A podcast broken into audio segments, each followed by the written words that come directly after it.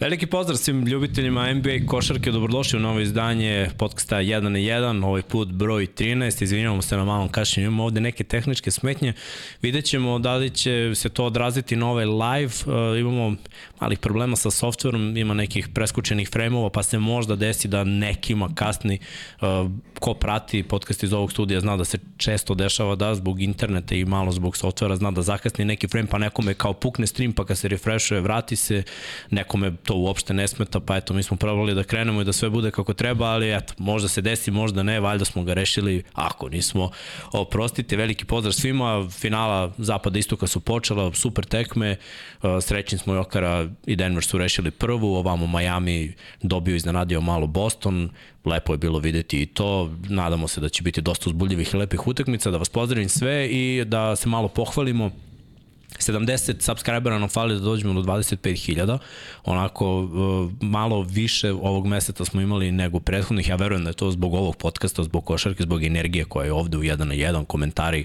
koje ostavljate nakon emisije su uvek dobri, u live-u koliko vidim uvek je dobro zezanje i uh, ljudi vole košarku, vidim da, da imate jako dobru energiju i to mi se mnogo sviđa da vas podržim, pozdravim i ako niste subscribe, subscribe-ovani, uradite to, vam je to jedan klik, a nama puno znači, vidim da već imamo ovde veliki broj lajkova, hvala ljudi, hvala puno. E, kaže, svi su srećni što je Denver dobio osim manje. Sad će Vanja da vas demontuje odma.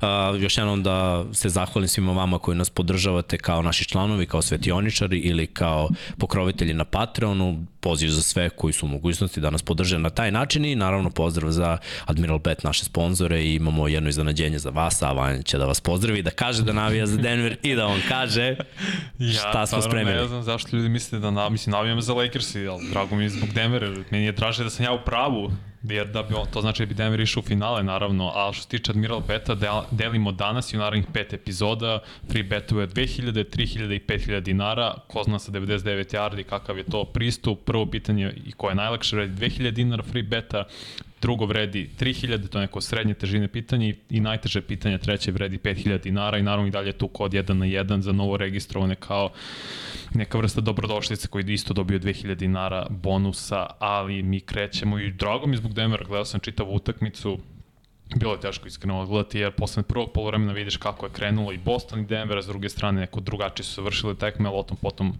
o istoku kasnije, sad ćemo otvoriti sa Denverom i Miksa, možeš slobodno da cepaš i da nam najaviš to. Srki, Nad, je, jel, nam to, jel nam to ide dobro? To ide, uh, videli ste i naslov u našem thumbnailu, istorijski Jokić predvodio Denver, uh, iako sam bio mrtav umoran, da budem iskren, i drugaru Mokio je bio rođevan moco, još jedan srećan rođen, bili smo kod njega i ja rekao, ko će da čeka 4 ujutru da se gleda, nisam ni znao kad je tekmo, iskreno. Mislim da je 3, mislio sam da je 3, polo 4 ili 4. I kaže moco, po pola 3 je. A ono tipa bilo 2 i mi krećemo kući, ja kao, stvarno? Rekao, idemo, dođem kući, brzinski tuš, krevet i pustim i gledam i smejem se i kako mi je lepo čoveče. Znaš šta, ne, ne samo ono navijački lepo, nego smo provalili tekmu. Znači, bukvalno tranzicija. Zapisao sam ovde šta je sve bilo za Denver. Prvo, prvo da krenemo od skoka. Tako je. Krupni, krupnija ekipa, krupnija petorka Denvera. Lakersi nisu izašli sa svojom krupnijom petorkom, da kažemo. Jokić imao šest ofanzivnih skokova u prvoj četvrtini, 12 ukupno skokova u prvoj mm -hmm. četvrtini. U prvom polovremenu Denver je izdominirao Lakers u skoku. Uh, kažem, opet krupnija ekipa, opet neka taktika, šta je takođe bilo jako dobro za njih i Miami je to premenio protiv Bostona. To je nakon promašaja igrača koji su u reketu, odmah ide u tranziciju. Znači nekoliko puta je Davis pokušavao svojim fade away šutevima ili nekim izokretima poluhorozima. Jokić odigra solidnu odbranu, to je težak šut s polu distance, odmah nakon promaša Jokić hvata loptu i gura je napred, kreće se u kontru. Davis ostaje iza. Bez Davisa iza Denver ima lakše načine. Bilo je tu par izgubljenih lopti, jednom je Gordon bacio loptu tamo u klupu između dva igrača, ali bilo je par lepo realizovanih kontri koje su igrači Denvera uh, rešili tranzicija, dobra rešenja. Bilo je dobrih odbrana na obe strane. Ajde da kažem u prvom poluvremenu jeste Davis imao jednu lepu blokadu, imao Jokić jednu lepu blokadu. Zašto? Zato što jedan i drugi nisu ušli previše jako u taj duel, ali bilo je dosta drugih duela. Prvo poluvreme apsolutno pripalo Denveru, u jednom trenutku razlika je bila preko 20.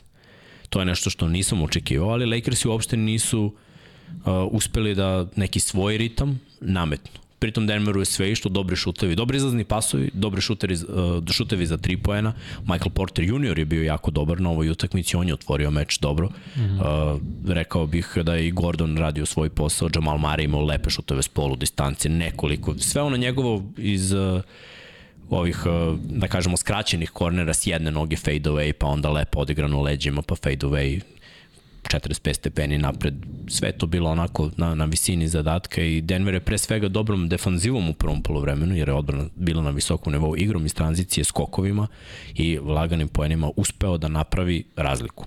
E sad, kako se utakmica odvijala dalje, Uh, ono što mene uvek zanima, rekao sam u drugoj utakmici adjustment. Mislim da su Lakersi nanjušili neki adjustment već u drugom polovremenu ali razlika je bila prevelika. Denver ima uh, cele godine, zašto smo u stvari sumnjali u njega, oni kad igraju vrhunski, niko ne može da ih pobedi, ja potpisujem.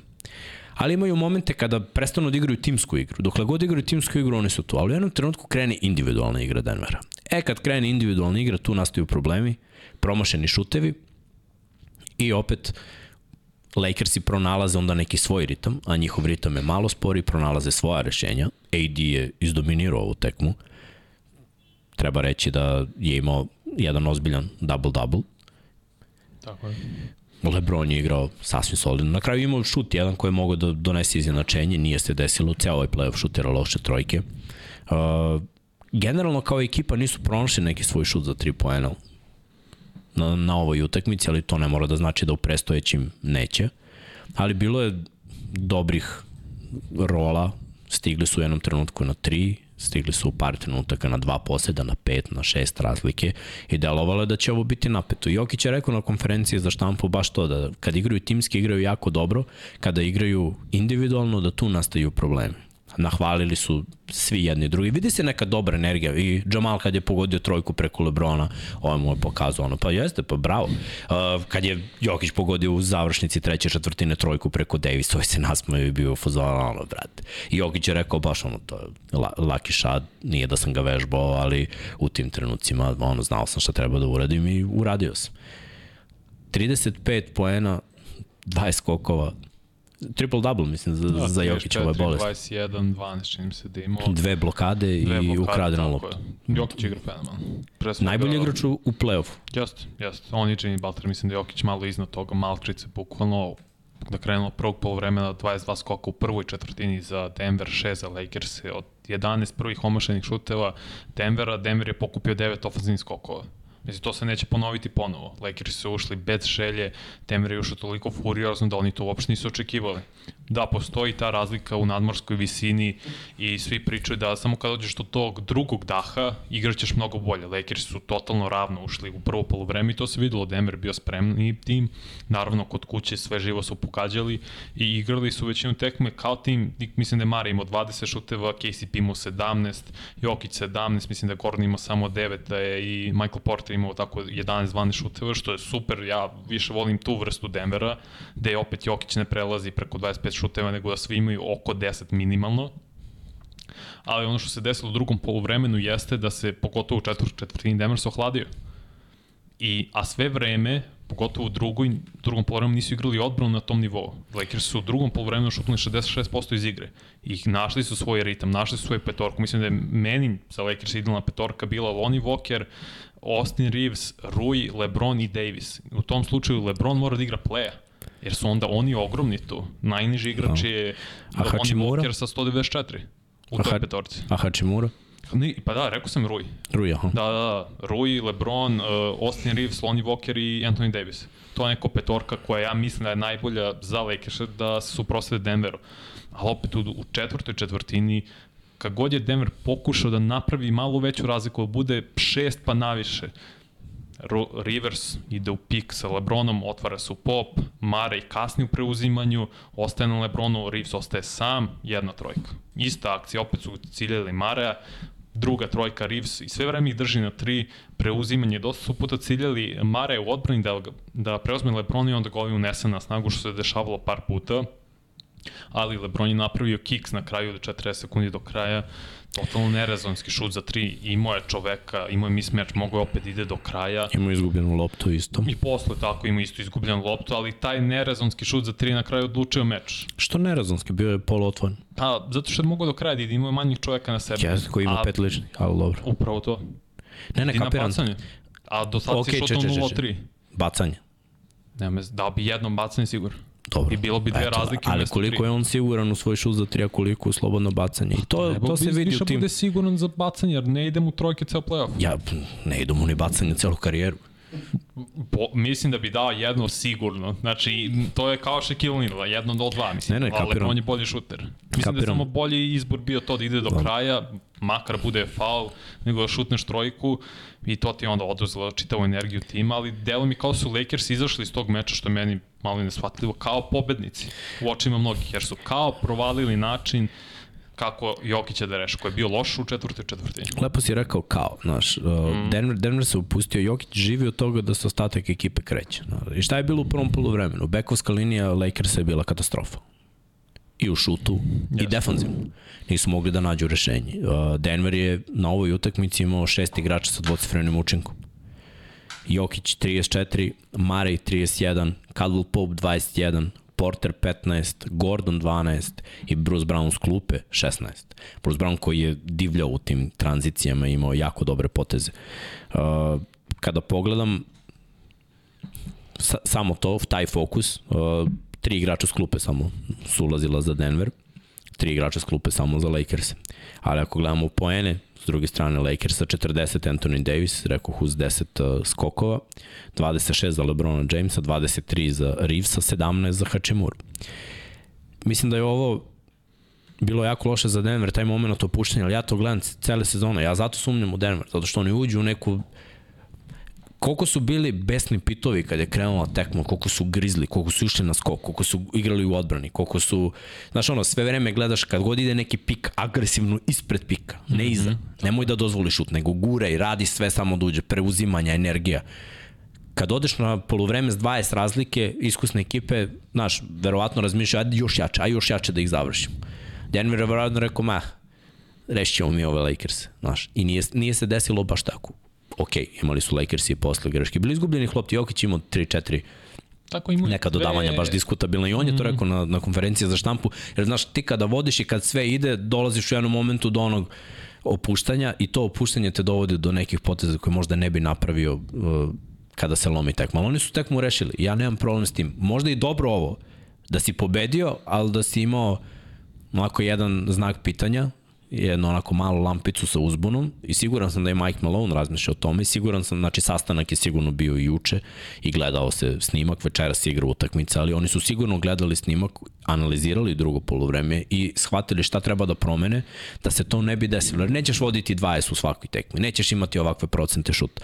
Nećeš imati 36-13 u skokovima na polovreme, alo 13 skokova za Lakers Imali su više ofenzivnih skokova od Denver Nuggets po vremenu nego, nego Lakers i ukupno. Tako, tako, je. tako je. Pa problem je odbrana Denvera. On, to mora bude na mnogo višem nivou. Napad ne može da igraš bolje od toga što je dao 132 poena. Bravo. Normalno da ćeš u četvrtoj da se, ili u bilo kojoj četvrtini prosto kreneš da mašiš, da se ohladiš, jer nije realno da održiš to nego moraju odbranu mnogo bolje da igraju i tu su se pre svega opustili. Kao i Lakers u prvom polovremenu gde su išli svaki put ispod pika Maraju, bez razloga i to je radio i Schroeder i D'Angelo Russell. U drugom polovremenu je došlo do promene i uhodili su to, aha, Hachimura, a kažemo po znacima navodnika, smeta Jokiću Zašto? Zato što Anthony Davis lepo može da bukvalno igrati iz što najbolje free safety-a, što je dosta ljudi pomenulo, da bude tu oko reketa, jer će on uzeti Gordona, a umesto Gordona da prošire, da ga stave na tri pojena u uglu, on stoji tu u, na polu distanci blizu reketa, čeka kao za kucavanje. To će biti ključna stvar, videti u ovom drugom meču. Ali to je bila ta neka menjanje same strategije Lakersa usred tekme, te Jokić nije se najbolje snašao, neke dva šuta je omašio u četvrt, četvrtini isforsirao, ima 3 pojena, 3 od 4 bacanja, ali te dve greške su bile nekarakteristične za njega, te dve izgubljene lopte, imao je dve asistencije, te dva skoka, ali opet zašto je krenula individualna igra Denvera, zato što je napad timski stav Pa su onda osetili potrebu... Stalo je kretanje. Jeste, ali su oni ostali potrebu, aha, ne ide da ja malo da isforciram, što je i opet po, Porter Jr. pogađa neke šuteve Mara koji igra inače sa infekcijom uveta igrao je neverovatno sa 31 pojenom, 5 skoko, 5 asistencija, mislim da ljudi ne shvataju koliko je to ozbiljna povreda. Tako da je stvarno Mara pokidao i sve pohvala za njega i bio je efikasan 12 od 20 iz igre, ali to mora nastavi i ovom. Jer sad Lakersi će sigurno izbaciti Šrudera iz petorke i ubaciti i Hachimuru jer im treba, treba im prosto visina, jer ne mogu da igraju s tri beka da, sta, da počnu meč. I vidjet ćemo kako će da menjaju. Ne verujem da će Hachimura biti primarni odbranbeni igrač na, na Jokiću, nego će biti Anthony Davis, pa će menjati Anthony Davis, Hachimura, Vanderbilt, može čak i Lebron, da bude vi, što više tela na taj način da uspore Jokića. Ne mogu da ga zustave, ali da ga uspore dovoljno i da ga forsiraju da on završava, da ne kreira za druge, jer to je ključ za bilo koji tim protiv Denvera forsiraš Jokića da uh, šutira sam, da ne razigrao druge, da drugi ne uđu u svoj neki ritam, jer znamo kako KCP kad uđe u ritam daje 25 poena, kao što smo videli poslednji meš protiv Phoenixa.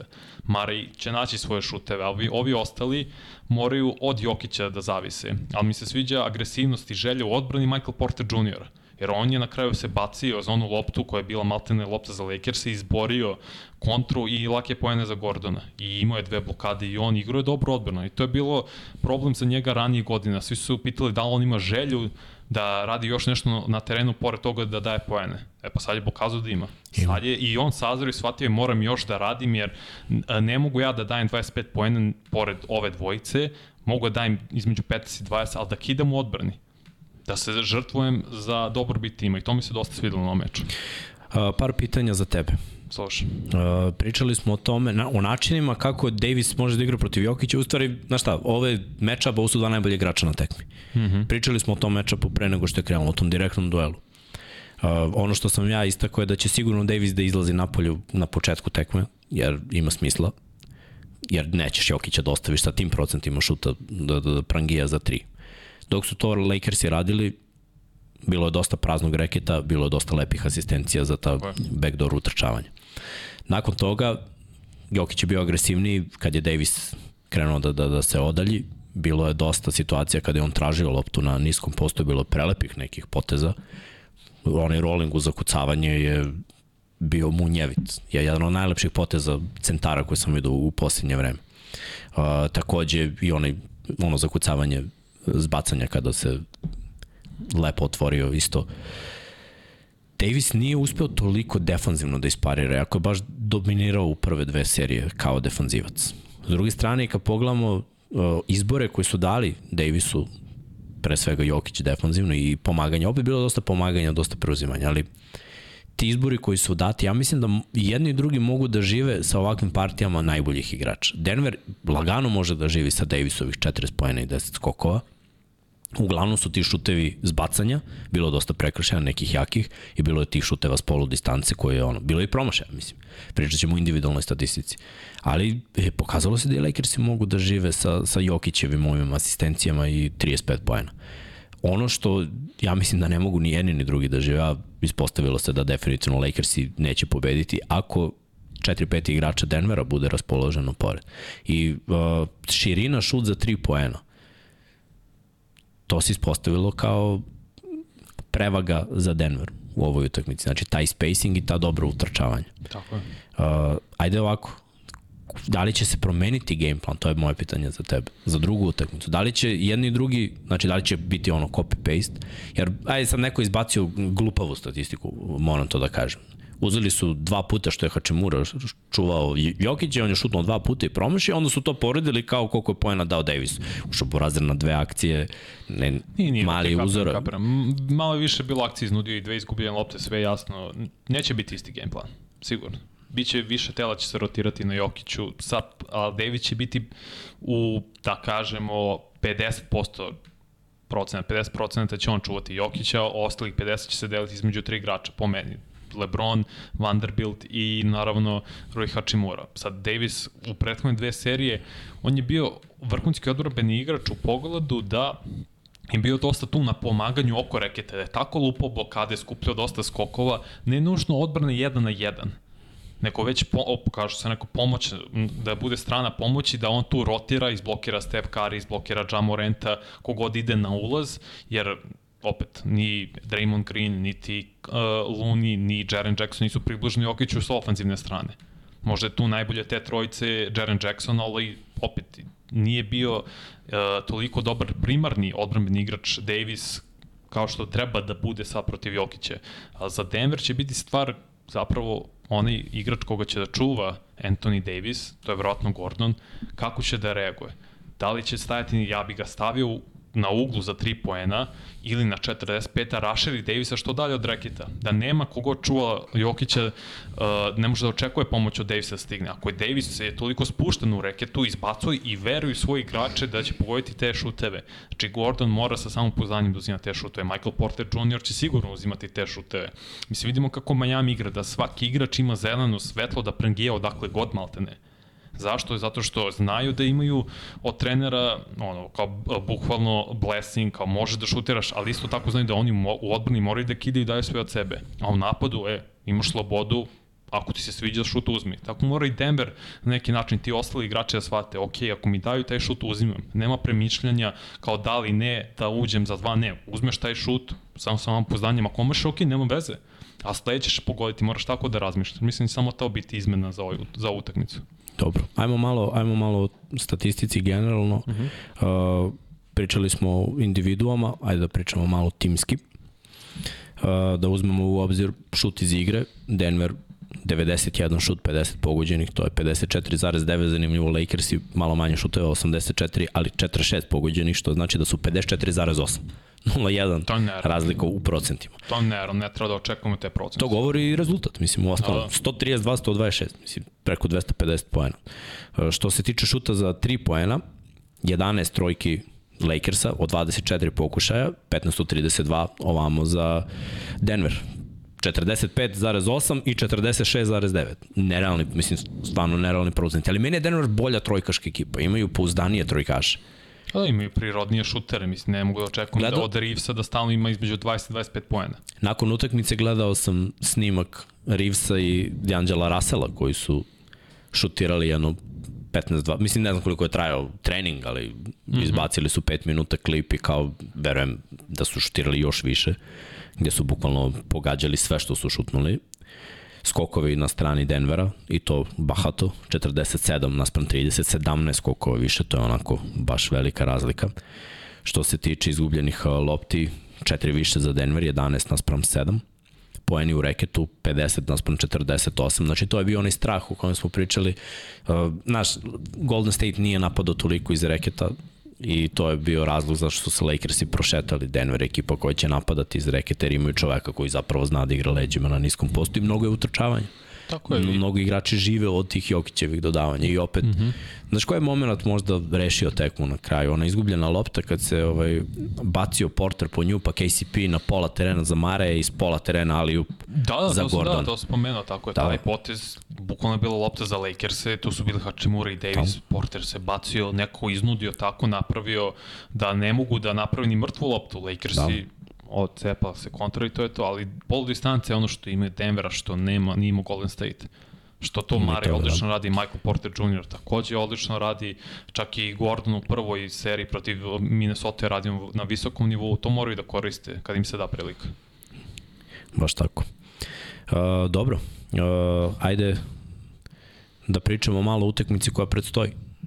Uh mhm. -huh. Znači, utakmica broj 2 igraće se večeras, igra se takođe u pola 3, Denver je ponovo domaćin, vode 1-0, odigrali su vrhunsko prvo vreme, malo slabije drugo, ali rešili tekmu, priveli kraju. Šta očekujemo?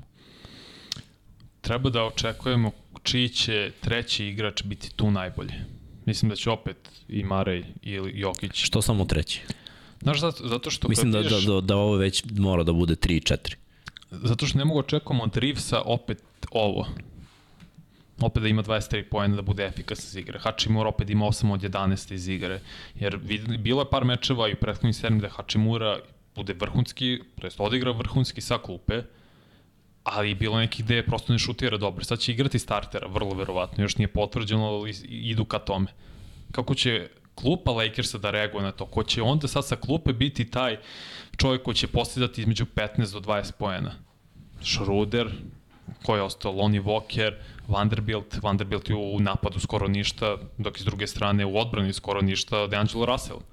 Kako ti do da Ali napraviš to, tu to, dinamiku? To sam, to sam rekao još pre nego što je počela serija. Mm -hmm. To je meni očekivano. Ja ne, ne očekujem. Prvo, uh, D'Angelo Russell je baš toplo-hladno lik. A pritom u napadu, a u odbrani ne postoji. On je nikakav defanzivac. Nikako. Apsolutno, rad nogu mu je loš, stav mu je loš, previše slab. Litap. I ne možeš da igraš ti kad Jokić uđe, da ja, ja bih stalno napadao njegovog igrača. Igrao bi pik. Koga čuva Russell, on igra pik s Jokić. On neće izaći ispred pika. Ako ide iza, šutni trojku, ako pokušava okolo da ide preko pika, ispred, samo ga zaobiđi i igraš 2 na 1. Ni Reeves nije ništa bolje defanzivno. Trudi se mnogo više, da se Mnogo razumemo. On vidi se da gine, ali nažalost nemate fizičke predispozicije da igra. Ali se trudi, to je najvažnije. Mislim, on čuva KCP, uglavnom nije sad KCP neki vrhunski ofenzivni igrač, on često čeka zapravo dodatni šut da odatle dobija svoje poene, jer kad će on spustiti loptu na parket i krenuti u prodor i tako dalje i tako dalje. Vidjet ćemo sle, o, što se tiče Denvera, mislim da stvarno Gordon mora da ima svoj ovaj vrlo dobar meč. Mora odbranbeno pre svega ceo tim Denvera da igra mnogo bolje Da. ne mogu da dopuštaju Lakersima, mislim, Anthony Davis stvarno, kako sam gledao, nije se, nisu ostali njegovih 40 pojena. Koliko god to banalno zvuči. Veruj mi da su Reevesovih 23 bili značajni jer su išli u ključnim momentima te trojke pre svega. Ali ne može Anthony Davis da, da dopustiš da ima 40. To je baš neprihvatljivo i zato Denver mora bolje odbrambeno da igra kod kuće. Jer opet, rol igrači i rezerve igraju bolje kod kuće. Ne, mogu, ne, ne treba Hachimura da ima 8 od 11 iz igre. I neće imati, jer će sad imati mnogo značajniju defanzivnu rolu. Da, pa gledaj, Hačimura ima nekoliko loših tekmi, a počeo je playoff kao zmaj. Tako je. Moralo je da se desi. Znaš, niko, ja mislim da su stvarno redki ovi što igraju na vrhunskom nivou u playoff. Da kažemo, eto, Jokić i Butler i možda da pridružimo tu, pazi, najmanje oscilacija je možda imao Lebron, No, Lebron jer je on konstantno, konstantno, da, nije to sad uh, na tom nekom nadljudskom nivou, Kao nekad. kao što je, pa da, kao što su imali Jokić i Butler te tekme, ali ovaj, znaš, Tatum je imao brutalne, ali je imao i katastrofalne tekme. I AD je imao dosta dobrih. Ja mislim da je imao možda jedne ili dve loše partije, ali opet. Ofenzivni loš. Ovo odbran je svaki meč bio konstantno na vrhu. Uh, Alen Hajdarević nam je donirao, kaže da pojačamo taj software, hvala Alene. Carski, hvala. I sad ću da- hvala.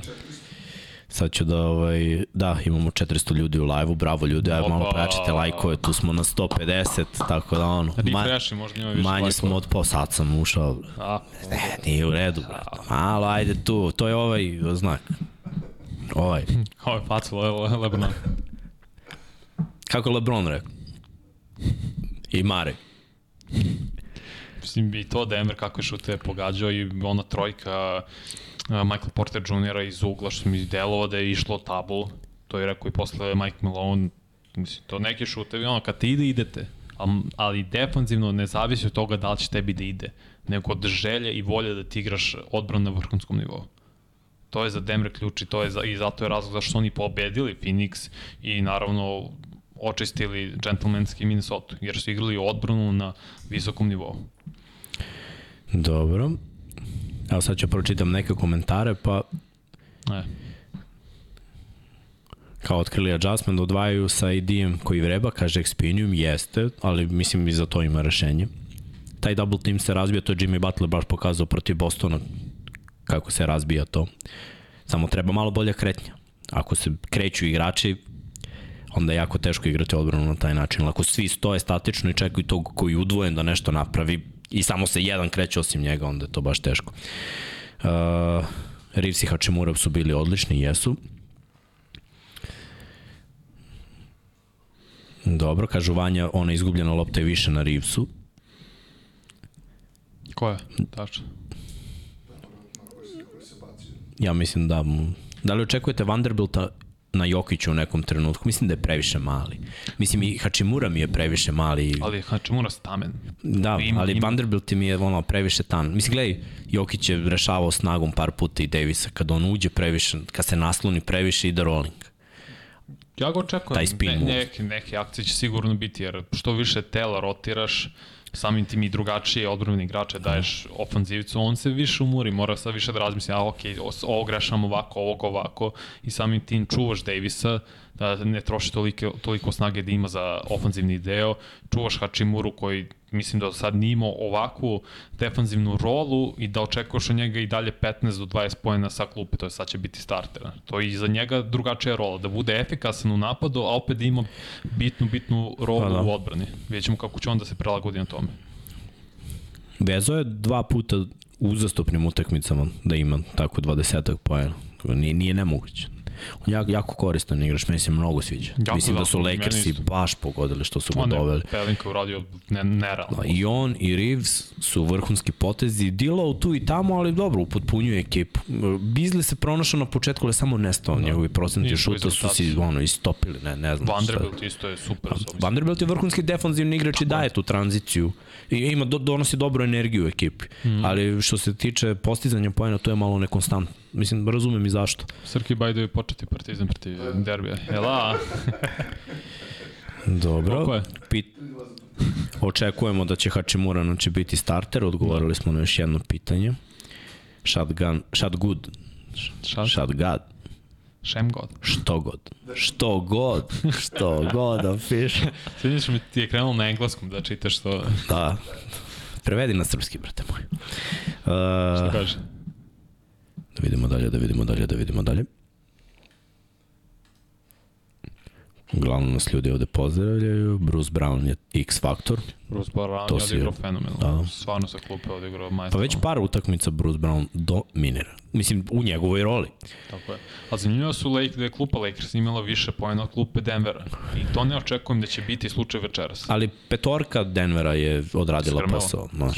Jer s klupe je samo Bruce Brown zapravo No, Uncle Jeff ima poentirao. A ovaj, što se tiče startne petorke, svi su bili dvocifreni. I to startni ovaj tandem 65 pojena. Mare Jokić. Mm. Uh, kaže Dejan Jelić, moje mišljenje je da će večeras biti mnogo manje poena nego na prošloj tekmi. Pita Slažem šta se. mislim. Ja mislim da nema šanse da se ponove ovi procent. Ovo su nerealni procenti ljudi da oni šutiraju 46% za 3 Tako je. i 55% generalno šut iz igre. To, to je za sve pohvale. Bilo je lepo gledati utakmicu. Ovo je razlog zbog kog ja volim NBA. Ovo se ne viđa. Ovakvi procenti šuta i svesa za tim i dobrim odbranama i da bude napeto i da bude velika razlika 20 i da se spusti to, da se istupi na 3. Tako je. To je sve NBA. Bilo je 258 pojena ukupno. Igrate manje pojene. To, to je ključno večeras. Pa kolika li je grana, to je pravo Ne, ne pitanje. ne znam, ne znam. Ne vjerujem da će biti ponovo ovoliko iskreno. I bitno je za Gordona njegovo samopoznanje da nemaše toliko bacanja, ima 4 od 8 sa linije za penala.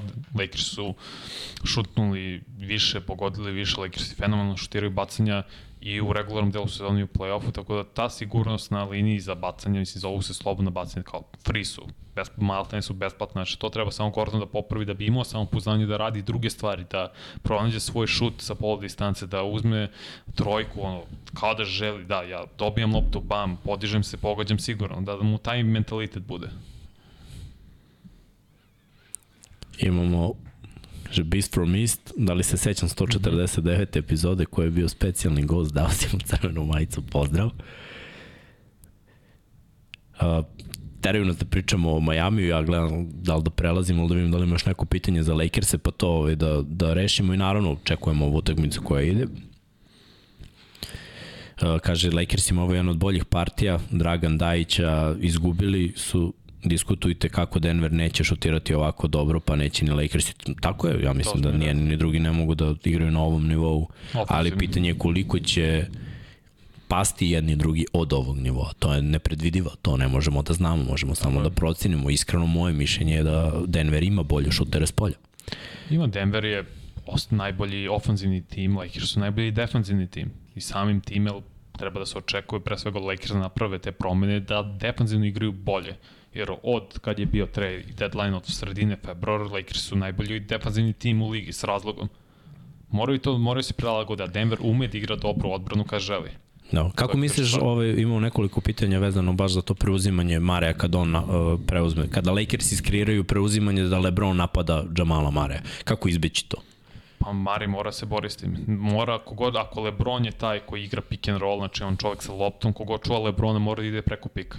Ne može da mi kaže da jedan Austin Reeves može da zadrži u piku Aaron Gordona.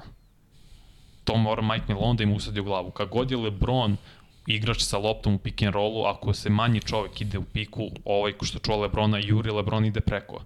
Uopšte ne treba da rade tu preuzimanje. Radili su često preuzimanje sa krilima i centarima da Jokić preuzme Lebrona ili se desi Michael Porter Jr. To je okej okay za Denver. Jer nemaš onda, ne kreira se taj mismatch ali ovako ne sme da Mare i da ostane ili ne sme da se dešava situacija da nemaju komunikacije, da Mare i Gordon ostanu Lebrona Reeves se izvuku na pop za tri. No. To ne sme se dešava. Znači, to je stvar komunikacije i game plana. Da Mike Malone kaže kogo čuva Lebrona, nema preuzimanja u tim slučajevima. Mali, da li, veliki mali. Da, razumem. Da li bi radio u nekim situacijama možda udvajanje i da nateraš Lebrona da se oslobodi lopte Da, Lebron je toliko visok, on može... Ne, ne, on će da doda dalje, ali Tako. ja bih više voleo da loptu u svojim rukama imaju pa, eto, iz tog udvajanja kome bi on dao bekovskoj liniji Dilo Schruder, Reeves, pa da idemo dalje, a Denver je opet velika ekipa, duga ekipa, mogu da preuzmu dalje kad LeBron se oslobodi lopte, da mhm. vrate mm -hmm. nekako, znaš, da, da ne ostane ovo što oni pokušavaju da Mare igra protiv Lebrona. Mislim. Pa bi sad imao da možemo bukvalno da razbijemo da, da. ovo po filmu, jer treba onda toliko dobra komunikacija odbrani da bude, da kogo, ako se desi udvajanje, kao što je bilo par navrata kad je Reeves pogodio trojku, da kogod je najbliži Reevesu, odbrbeni igrač Denvera, iskače na njemu, što znači da se konstantno rotira u odbrani.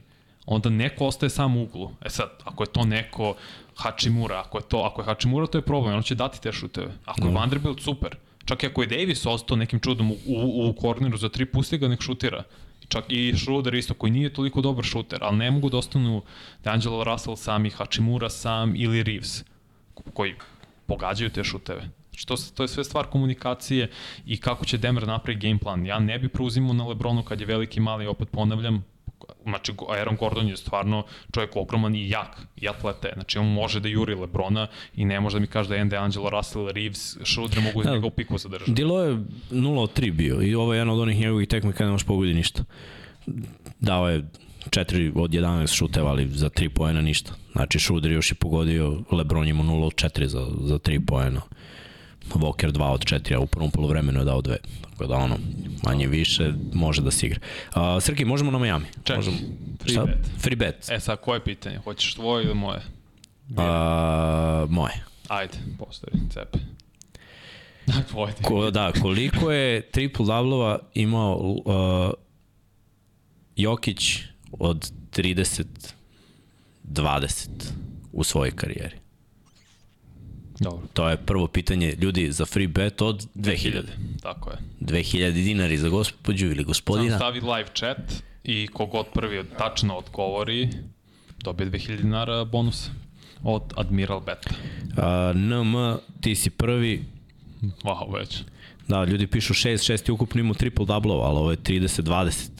Imao je dva i to je najviše u istoriji NBA-a. Po jednom su imali Chamberlain i Bill Russell, a Jokara, eto, ima dva njegov drugi, sad preko 30 pojena i 20 skoko u play-offu, naravno. Uh, tako da, NM, ti si dobitnik, kako šalje?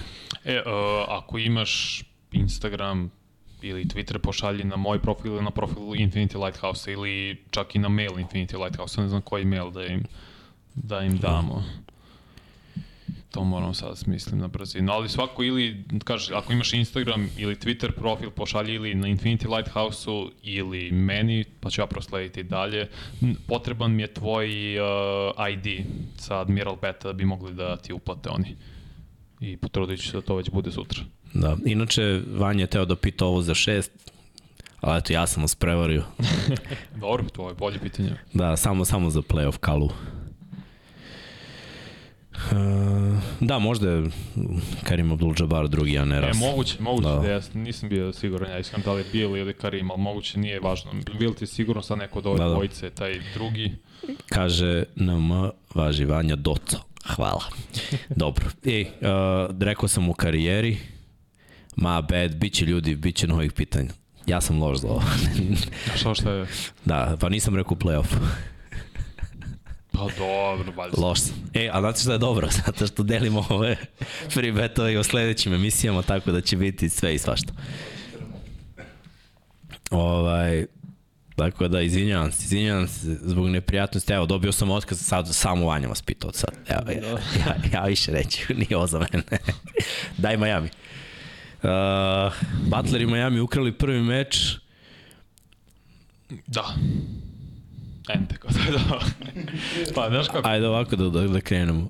Sve što smo rekli o ovoj seriji, očekivali smo 7 tekmi, kao što je bilo i prošle godine. Sve što smo videli od Bostona ove godine jeste ti momenti opuštanja. Kad se, evo ovako ću da. Kad sam vidio u prvom polovremenu, Al Horford daje koš, time out, Tatum daje pa pa pa pa. U meni je u glavi kako će Jimmy da vas šamara do kraja tekme. A vidimo, a Miami ovako, mrtvi ozbiljni svi. Stojično. Znači, bukvalno gledam i rekao, vidi ovi što se opustili, a vode tipa 10 razlike. Nije kao, uh, kao protiv file, pa da razumem, vodiš 30, pa razumeš, ajmo sad vatromet, publika podiljala 10 razlike, mislim. To se stigne tri napada. Šta je Majamiju pomoglo mnogo? Čvrsta odbrana, tranzicija.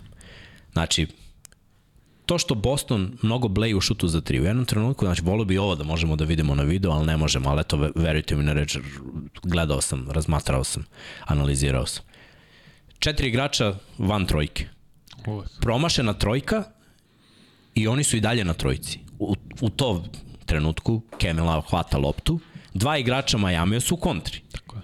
Samo jedan igrač Bostona hvata pun sprint da stigne toli, to je već 2 na 1. Drugi put neko drugi je stigao do skoka, Kemel Love je bio u kontri, 2 na 1, mislim Borazar će naravno da šutne otvorenu trojku A i da pocepa mrežicu. Strus je krenuo da šutira, trojke da pogađa. Lauri je vodio ekipu kao to, to ono što sam ti pričao, Br Brogdon i Lauri su šesti igrači, oni moraju da igraju na visokom nivou. Brogdon je odradio svoj posao, Lauri je odradio svoj posao. I bilo mi je malo do ovih zvezda ekipe ko će tu da iznese. Uh, u četvrtoj četvrtini te, ta kretanja Jimmya Butlera, ta želja da se ide na ofanzivni skok po svaku cenu, Bema Debajo imao dobro tekmu. Napad. Pogađao je, pogađao je uh, koristi mu, čini mi se to što je Horford ono, iste visine, što, što su slični i što može tu da igra. Ali definitivno je tekmu rešio šut za 3 poena, dobra odbrana i opet ta neka panika i opuštanje Celtics, jer im je loša bila energija i manjak ulazaka u reket, mnogo, mnogo više ovih nekih šuteva za 3 poena i jako loša preuzimanje. To je ono što nije karakteristično za Boston. Ja bih rekao da je ovo defanzivni fail, jer znam kako igra Boston kad igra u vrhunsku odbranu. Oni sve stignu da pokriju. A ovde je bilo mnogo otvorenih šuteva. Naprimer, Jimmy kad je pogodio trojku iz desnog kornera, niko nije bio blizu 2 metra. On nije neki šuter. Mislim, dobro, ovo drugu trojku koju je pogodio, ko gleda košarku zna da je to malo i sreća. Znači, lopta je šest puta udarila obruč. Isforsirao je ta... Isforsirao je tako, ali ušlo je. Jasno. Mislim, imao je samopouzdanje da je šutne nakon što je pogodio samo mrežicu iz kornera pre toga, ali Jel obe trojke pogodio u četvrti, jel tako? to. Mislim, pazi, Boston u prvom poluvremenu imao 40 pojena iz reketa. To nije bio problem Bostona. Znači, te pojeni iz reketa su bili tu. Ono što je bio problem jeste što je Miami pogađao trojke i, i držali su igre, a Boston nije. Jer su opet išli sa visokom petorkom i Horford i Williams. I sad mislim da Williams će imati sve manju minutažu. A dobro je počeo. Zato su imali pojene iz reketa, što on dao šest odmah, Tako ima i ofanzivne skokove i stvarno u prvoj četvrtini bio baš dobar, ali ono što 14 je, pojena dečko ima na kraju. Mislim, ne, ne, to je okej. Okay. 606, Za posto opet izigra oni Luni, na, to su njihovi mislim, bila su sve kucanja, ali limitiranje. To sve stoji. Problem je tome što su ga u odbrani tražili, što ga Jimmy Butler iz pikova tražio Robert Williamsa kad je došlo do preuzimanja, došao je na svoje mesto u polu distance, pogađao, jer Robert Williams nije dovoljno brz da isprati Jimmy Butlera. Bema Adebayo isto koristio taj, ako to nije mismatch, ali to jedan na jedan situacija baš protiv eh, Robert Williamsa. I tu je dobio falova, imao je 20 pojena, imao 8 skokova i to mora bude minimalni prosek za Adebaja ako misli da Miami prođe dalje ono što sam spomenuo u seriji protiv Denvera, svi u Majamiju imaju zeleno svetlo za šut. Ti, mislim, video si Gabe Vincent kakve šuteve uzima s Da, jedne da. noge za tri i pojene. Martin isto. Martin iz polu kontre, kontre, svi strus takođe. To je to, ali to je njihova filozofija, šuteri, ako je super šut za tebe, ti uzme, ali u odbrani moramo da igramo jako i treća četvrtina je prelomila da je prosto Miami, Niču ni da kažem da je Boston nije bio pripremljen, niti fokusiran su bili, ali Miami je podigao svoj nivo igre za još jedan, a Boston je ostao na istom. I onda te defanzivne ispadi Bostona su se bili sve vidljivi u trećoj četvrtini gde je Miami dao 4-6 pojena što je njihov rekord u playoffu za bilo koju četvrtinu, a imali su i Lebrona u, u svojoj franšizi, Vejda u Prime-u, Boša, Šeka, ovo je rekord. Zašto? Zato što je Jimmy Butler postao ono, kad njega krene napadu, asistira, probija, deli drugima, svi, svi krenu. I krade lopte, brate. Sedam. Šest, Šest. šest ukradenih. Sedam skokova Uh, ili sedam 7 asistencija. asistencija, Pet. 5 skokova, 35 poena. Sve je bilo znači preko pet, osim pojena. To je suludo. Mislim, to je stvarno suludo i ono što mi se svidilo kod Jimmy Butler jeste da je on uzeo da čuva Tatuma. Što ne viđamo često u današnjem NBA-u da najbolji igrač čuva najbolji igrače drugog tima, a mi se ovo izuzetno svidilo većinu meča je Butler preuzeo Tatuma i Tatum kao najbolji igrač, što smo kritikovali Embiida, mi nije jasno kako je za, dva, za polovreme drugo uzeo samo četiri šuta. U četvrt četvrtini nije šutno ni jednom, ni jednom. Imao je šest bacanja, ok, ali ni jedan šut iz igre Tatuma, onda na kraju poslednjih dva i po minuta dve ili tri izgubljene lopte i to korak je napravio. Češ da ti kažem zašto?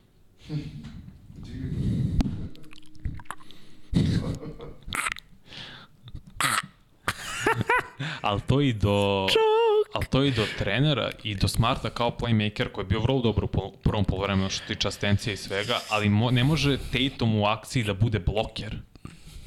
Zovi timeout i napiši akciju za Tatum, što je uradio u jednom momentu u četvrtoj četvrtini. U trećoj četvrtini Mazula ni jedan timeout nije pozvao, što je ne, neverovatno za trenera da će tvoj tim primi 4-6 pojenta i ne zoveš nijedan timeout. To je suludo. Kao puštaš, puštaš njih da, da provale šta i kako. I, op, I samo je Miami prosto previše čvrsta i fokusirana ekipa sa mnogo većom željom nego bilo ko, koji drugi tim. Plus imaju ozbiljnu prednost što se tiče glavnih trenera. Spolstra je najbolji trener NBA, a, a Joe Mazzulla je ruki, ruki trener. I naravno da će ovaj da ga nadigra, pod znacima navodnika. Da ga, kako, i kako to da se i kaže, nadtrenira. No. Jer je genije. To je jedna stvar. Imali smo ovde pitanje još pre nego što je krenuo podcast u Spolstri mm koji vrhunski vode ekip. Opa, već godinama. Mode samo šta radi. Ovaj, znaš šta se meni nije svidelo? Ideja da White, koji jeste odličan defanzivac i ove godine stavljen mm -hmm. među najbolje defanzivce Tako, čitavog NBA-a, ne može on da čuva Jimmy Butlera. Iskreno mislim da ne može ni Marcus Smart da čuva Jimmy Butlera. Mora Jalen ja Brown da is... čuva. Mislim da je i on previše mali. Pa nije isto su visine. Previše mali, ne nizak, nego mali. A ko bi, ko da ga čuva? Tatum. Ali Tatum nije odbrani igrač. Neka bude. Jesi vidio kakav je stav Je. Tatuma sa Mm. polupodvignutim kolenima, skoro prav čovek. Sve vidim. Ali Ali gledaj, ako ga ovi budu čuvali, Jimmy može da igra svaku utakmicu ovako. Znaš koja je prednost Tatuma u odnosu na Butlera? Zato što je samo duži. Što je svaki onaj fade away malo teži. I može da zakači neku od tih lopti. Pritom je dovoljno atleta i jak čak i da dobije rame u pravom trenutku, može da kompenzuje svojom dužinom to ako se ide na ulaz. Ovi ne mogu, a Jimmy zna da koristi svoje telo. Svaki njegov ulazak u duel pravi tu minimalnu separaciju za šuteve koje će on izvesti za dva poena, da kažem, u nekih 3-4 metra od koša. Što su u principu Srke, izvini, njegovi šutevi. prekinem, samo da li Uber stavi na dvoplan, što sam prosao ovo, ali nema veze. Izvini što ste prekinuo. Gde se ima, to se i prosipa. Jeste. da, i Grant Williams ga čuva u nekim situacijama. Grant Williams je dovoljno jak, ali nije dovoljno, Lateralno brzo to. ja mislim da nije dovoljno, da nema tu od nula eksplozivnost. On jeste dovoljno lateralno brz kad je u pokretu. Ali ako ga smiriš u jednom trenu- jednom trenutku da stane samo, Nema taj trzaj. od nule do lateralno mm. -hmm. je Jimmy mm -hmm. brži. E, tu si već u problemu jer si na kuku. Više nisi ispred. Tako da će biti jako teško. Evo, imate prilike da vidite, evo sve dame koje prate ovo, da vidite kako je vredan mladić. Ne, ne! E, Šteta, propala mi je fora. Ali nema veze, nema veze. Uh, da vidimo šta kaže ljudi. Van Gandhi u prenosu pred kraj viče nekoliko napada kako Tatum ne dodiruje loptu i onda je dobije i tri puta uradi ono, bolje da je nije ni dobio. Pa ko zna. E, ali neko je, neko je, neko je ovaj rekao i napisao i bio je u pravu da Boston sve ove napete tekme ima problem da dobije, da gube. Jeste. Oni što su dobijali, dobijali su ubedljivo, a ovo što je na. Na tu- 5 pojena ili manje imaju 13-2, uh, 13-12, 13 pobjeda, 12 poraz, poloviče su tu. Ispod stolice, izvini Srk što sam bacio. To je baš loše. Pritom na domaćem Mhm. terenu ne igraju dobro. Tako je, na ovom terenu imaju Mislim da su 8 polovični. od 9. Ne, izvini, 8 pobjeda, 9 poraza, poslednjih Da, da. 17 u play-offu. To to, znači skoro, malo, malo slabije od polovičnog, ali opet. Je. Mislim, Miami je vezao šest uh, utakmica broj 1 koji su dobili, računajući prošlu godinu. To je baš upečatljivo i Boston i protiv Fila izgubio prvi meč. Sad, opet, ovo je samo prva utakmica, opipavanje, vidjet ćemo kako će promena strategije biti, ali ovaj tim Majamija sa Jimmy Butlerom i bez Hero i Viktora Oladipa me podsjeća na timove Dirka 2011. Dallas i na timove Kobija 2008-2009. obe godine. Jer ti imaš jednu super zvezdu, kao što je Jim Butler, Kobe Dirk, imaš Adebaja, to je bio, jer tada još uvek Pogasol nije bio All-Star igrač. On te kad je došao Lakers se krenuo da bude All-Star igrač. S druge strane imao si, da kažemo, Tyson Chandlera koji je bio jedan od najboljih defanzivnih centara tada, ako ne najbolji. Godinu dana kasnije mislim da je svoj defanzivnog igrača godine. Dobio reprezentativac. I bio reprezentativac. Imaš Jason Kidda, imao si Derek Fishera, ovde imaš Kyle Laurija koji je malo bolji. Mislim, Jason Kidd je tad bio ono 38 godina, i beležio 9 pojena, 8 asistencija. I imaš nekoliko dobrih rol igrača. I to je to. Vrlo su mi slični svi ti, ta tri tima kad, kad ih staviš na papir. Nema tu sa nekog, po, još, po, još, pored Butlera još jednog wow igrača. Razumeš šta hoćeš da kažeš, da li misliš da je da su vrata zatvorena za takve timove i njihovo osvajanje? E pa to ne znam. U tome je stvar. Jer ti timovi nisu osvojili, Od da se ne lažemo, 10 godina. Da, Je tako? Dirka. 2011. je bio Dallas, Tako je. a ovi su je. bili pre toga još. Ovo, tako je. Mislim, vidjet ćemo, bit će baš zanimljivo vidjeti tu ne, da igra Hero i da igra Oladipo, mislim bi Miami pobedio ovo. Iskreno, ali neko mi dele kad Boston daje sve od sebe, da su prosto bolji tim. I sad su isto imali šanse, nego su na svoje glupave greške To, I na želju, izgubili. na želju ovih momaka koji grizu su sve nedraftovani igrači skoro. Jeste, Pričao o tome. Laure, on je direktno se uključio s TNT-em na, na kraju utakmice, došao i pričao o tome, mislim. Velika je želja. 4-5 igrača nedraftovano. Tako je, Strus, Duncan Robinson, Gabe Vincent i Caleb Martin. Uh, Radoslav Medović kaže da nas je otkrio sinoć, kaže svaka čast samo nastavite. Hvala, hvala. Hoćemo, hvala i slobodno ako niste do sada jedan subscribe, nam, nam bi dobro došlo. Ja imam neku misiju da ovo pregazim ovih 25.000 danas, ako ne može danas, onda sutra u 99 yardi, ali bilo bi bolje danas. Ako, baš bi to... Baš bi to bilo da... Pa to je kao NBA, znaš kao, ako ne dobijemo danas, dobit ćemo, ajde dobijemo danas, ajde danas to da rešimo. Znači, jedan klik tu, no, zvonce i ćao zdravo. Nemojte da ja moram pravim pet naloga ovde sada da kliću. Da pojačavam to malo broje. Uh, dobro, dobro. Zašto su Pistonsi otpustili trenera kad su i onako tankirali, a ko to zna? Ja, Pistons. To je biznis. Uh, otkud Pritchardu minuti? Pa, dobro, promena taktike. Očigledno, ne znam da li će dobijeti, nije imao skoro nikakvog efekta kad je bio na terenu, nikakva produktivnost, ne, ne vrnu da će... 12 minuta, lepi minuti. Dobro. 0 od 2 šut iz igre. Koliko ima Grant Dve trojke. Grant, uh, Produžuje malo rotaciju, čini mi se. Da. Ili nije, nije igrao Grant Williams zapravo. igrao je bre, preko njega je šutnu Butler Pa ovo nije, trojku, ali nije, pa vidim šta piše, znam šta sam gledao. Piše da nije igrao. Pa nije igrao onda. Pa pre- Šutno preko Derek White-a. Sigurno. Preko White-a, a? Da, No, sigurno. Moguće. Sigurno. sigurno.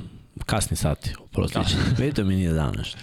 grešim kad postavljam pitanje, grešim koga sam video. Ne, sigurno je bilo protiv White-a koju on opet uradio dobar posao, ne možeš ti bolje da igraš odbranu u nekim momentima. A dao je sve od sebe, ali si istrošio, znaš, treba on više u napad. On je sad otešao na klupu, s klupe 11 poena. E, to je dovoljno. Pa nije dovoljno. Postigao si 116 pojena. Nije dovoljno. Znaš zašto nije dovoljno? Zato što Al. Horford podbacuje konstantno.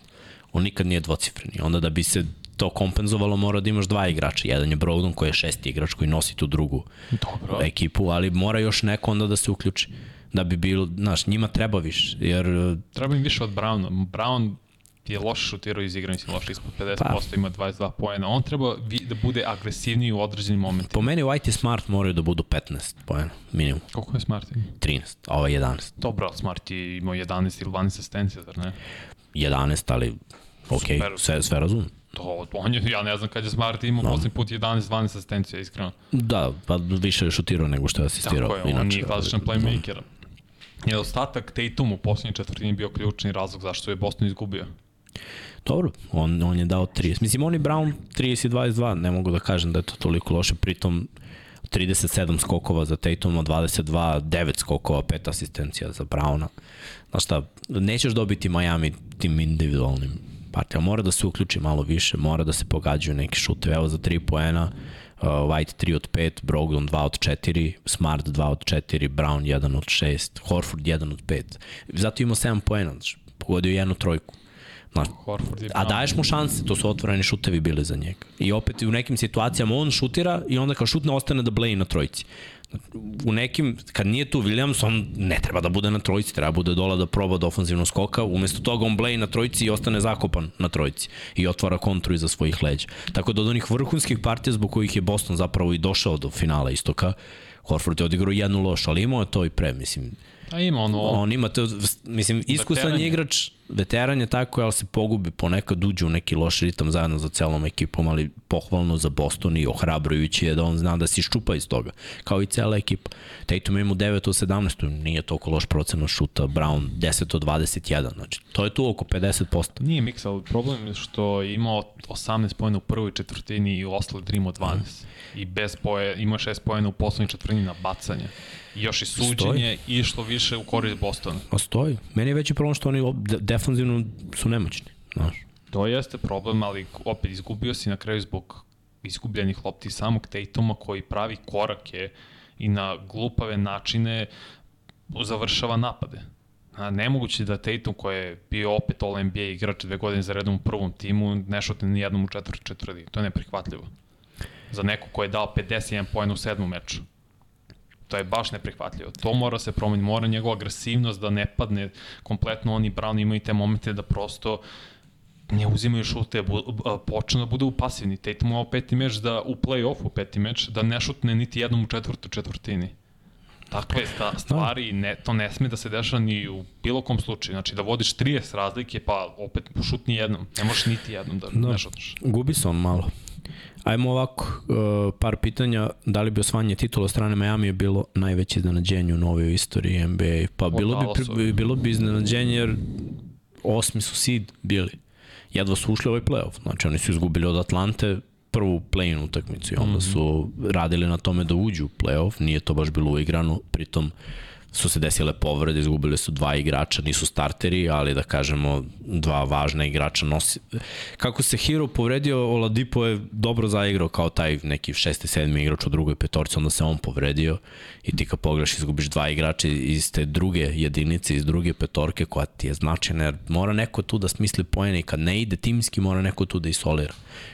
Spolstra pronalazi Laurija u toj drugoj petorci, stvarno je prešao igricu čoveka. Lauri je shvatio kao veteran, ok, ako je moj zadatak da kreiram te šuteve za druge i za sebe, onda ću na taj način pomoći ekipa. Ali znaš šta, da on nije osvojio pre toga i da nije igrao tu šampionsku košarku, ne bi on to prihvatio. Ali zato što je bio rasterećen, Zato je prihvatio, zato što je shvatio da treba se podredi timu. Zato mi se sviđa Miami. Mislim da, da ovaj, isto ko što je Brogdon zapravo uradio za Boston, on je isto starter, nikad nije bio rezervista, nikad nije kretao sa klupe, uvek je bio u prvoj petorci u svojoj karijeri. Ali je shvatio da je to način na koji može da bude uspešan i da pomogne ekipu. Svako zna hijerarhiju svoju u timu. Da. To je za Miami presudno. Bilo bi, kaže, najimpresivnija titula.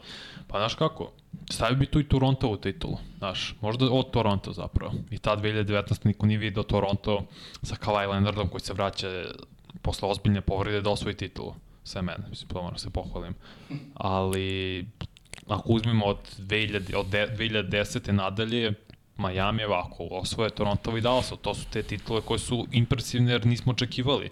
Jer su sve te timovi od tih u poslednjih 12-13 godina imali, koji su osvajali dve super zvezde nekada tri all-star igrača. U tome razlika. Uh, pitaju zašto nema Granta Williamsa, pa u čitavom ovom playoffu je bilo momenta kada ga nema. Tako da ono, to me baš zanima zašto je tako. Uh, sad ja ovde imam malih problema s internetom, ali sad ćemo to, sad ćemo to da rešimo. Ovaj, dok to traje, mi možemo da pređemo na Kostur, Srki, playoff Kostur, pa ćemo još malo Free bet pitanje. free bet. Ajmo. U stvari čekaj da bi imam net, da bi video ko Aha, je. aha, aha, ajde, ajde. Daj Kostur. Daj kostur dok ne, ne krene.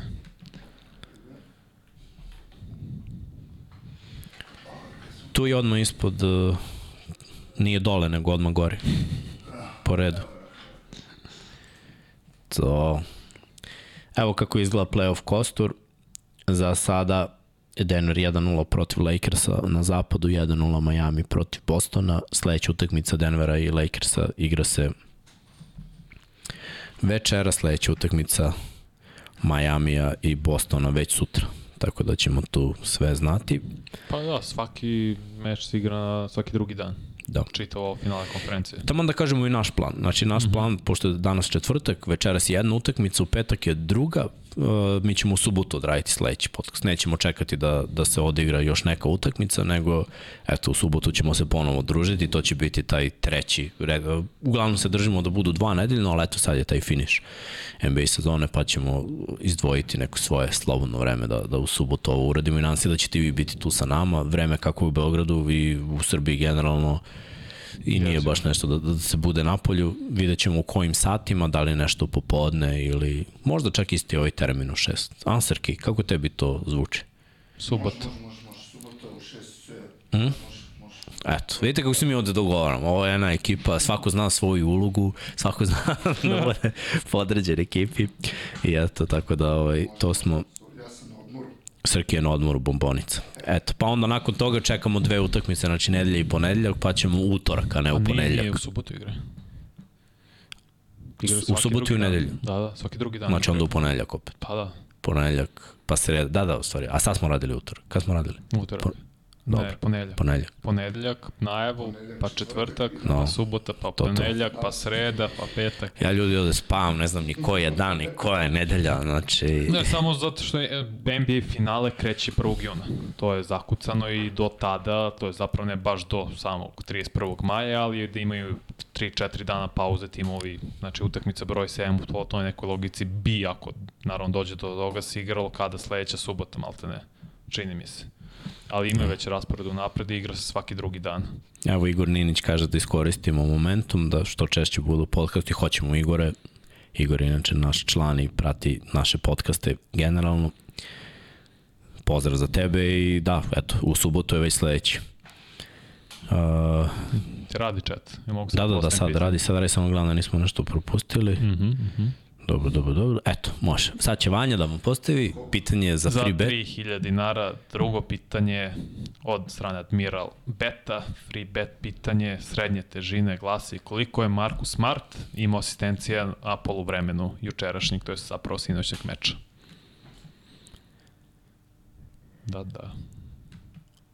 Eto, toga nema u statistici. Da. Morali ste da pratite meč ili da pratite malo analitiku da biste znali koliko je Smart imao asistencija na poluvremenu. Pozdrav iz sunčane Moskve. Danas na poslu pričam sa kolegama o... A, odošli mi broj. Pričam sa kolegama o NBA i konstatujemo da je Golden Age za NBA definitivno 90. Igrači, dresovi, timovi. Povratak Sjetlu u NBA. Ko zna, Vladimire, šuška se nešto.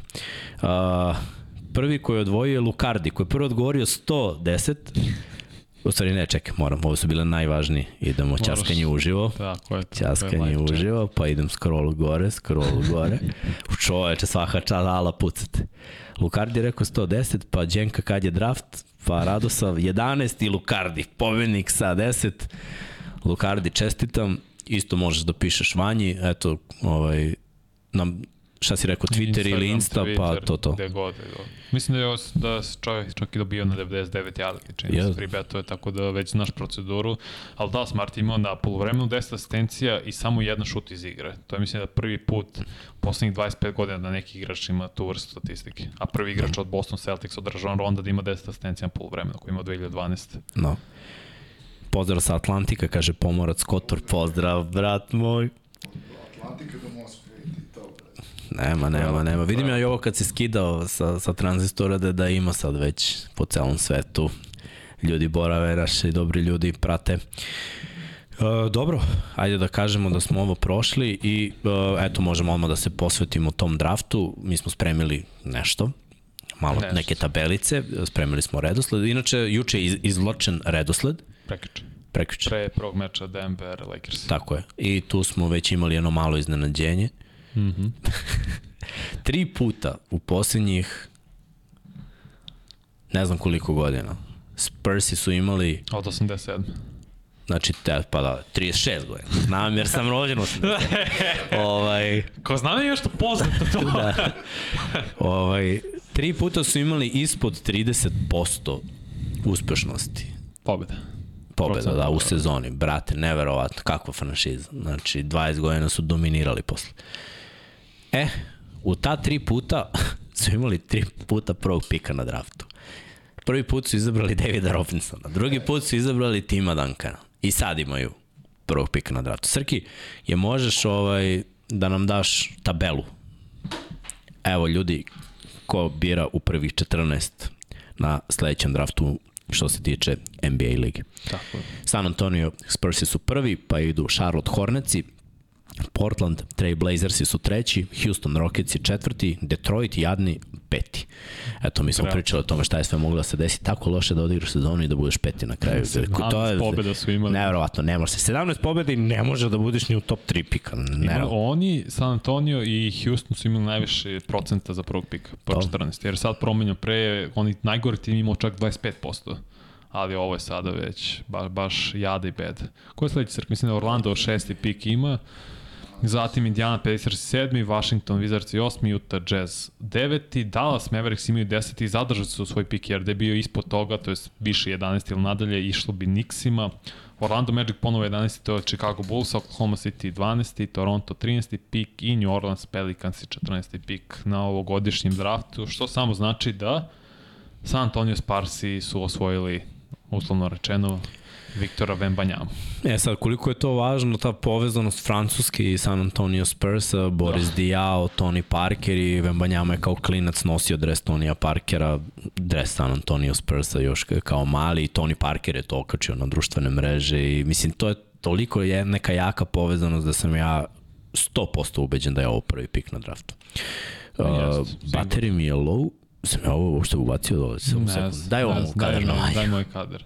Ti proveri, mislim, povezanost je tu, Vembanjama će sigurno biti prvi pik na draftu, to uopšte nema sumnje. I San Antonio Sparsi kako su i birali same internacionalne igrače je veoma, veoma impresivno. Pominjemo i Tony Parkera druga runda, ili kraj prve zapravo bio Tony Parker, Manu Ginobili kraj druge runde, mislim, bi imali su stvarno neke, RC Buford je jedan najbolji GM-ova ikada, ne, da biraš i ovog, uh, kako se zove, David Robinson i Tim Duncana, Duncan najbolji krivni centar ikad, Robinson objektivno gledano neki 5-6 pet ili šest najboljih centara i kada sad dobijaš Viktor Vembanjamu, mislim da je idealna stvar jer oni umeju da razvijaju visoke igrače i verujem da će Greg Popović ostati prve dve godine mislim i onda da, ali već ima u, sigurno u svom taboru naslednika i njegovog i da će taj naslednik biti, ne znam ko je naravno, ovo samo moja pretpostavka, direktno povezan i vrlo blizak sa Vembanjamom. Da će biti tu pop čisto da sprovede prve dve godine, ali nakon toga nasleđuje neko novi, neko koji je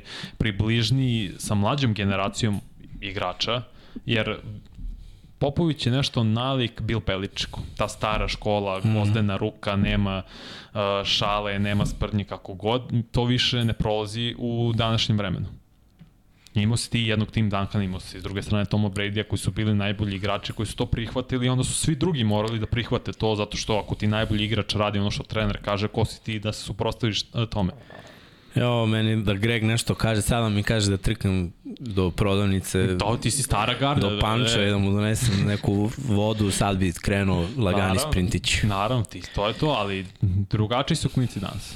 Moje generacije i mlađe. To je drugačije i oni veruju neke druge vrednosti i zato je potrebno mlađi trener. Nažalost, trenirao sam ih pa znam. Eto. Pa znam Znaš, kakvi na sobstvenom primjeru. vidim. Ali čvrsta ruka rešava, pravo ti kažem. No, naravno, naravno, ali mislim da je Vembanjama super klinac pre svega. Da je, Jeste, jeste, da. I I, odigrao je top- ne, ono, Jasno, mislim, gledali smo On je te- utorak odigrao, bukvalno par sati pre Lutrije utakmicu. Da, bio je okej, okay, mislim, ta njegova visina toliko, taj njegov raspon ruku zapravo baš pravi razliku i solidno je pokretljiv, ali morat će još da radi. Nabacio je neke mišiće, ali radi na tome da Razlika između treba će još. njega i Chad Holmgren od prošle godine, prvo ovo je više jedno desetak centimetara uh, Vembanjama, jeste što on ima, vidiš mišićnu masu na njemu, koliko god da je to tanko, ti vidiš da on ima izražene ruke, da je radi u teretani, ali da, da ima problem da nabaci masu. Mislim da u NBA-u ti su o tome pričao totalno drugačiji režim treninga i da će to za par godina doći na svoje, neće odmah.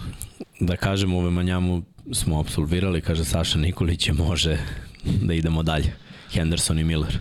Uh, zavisi ko će, misli, Charlotte ima drugog pika na draftu.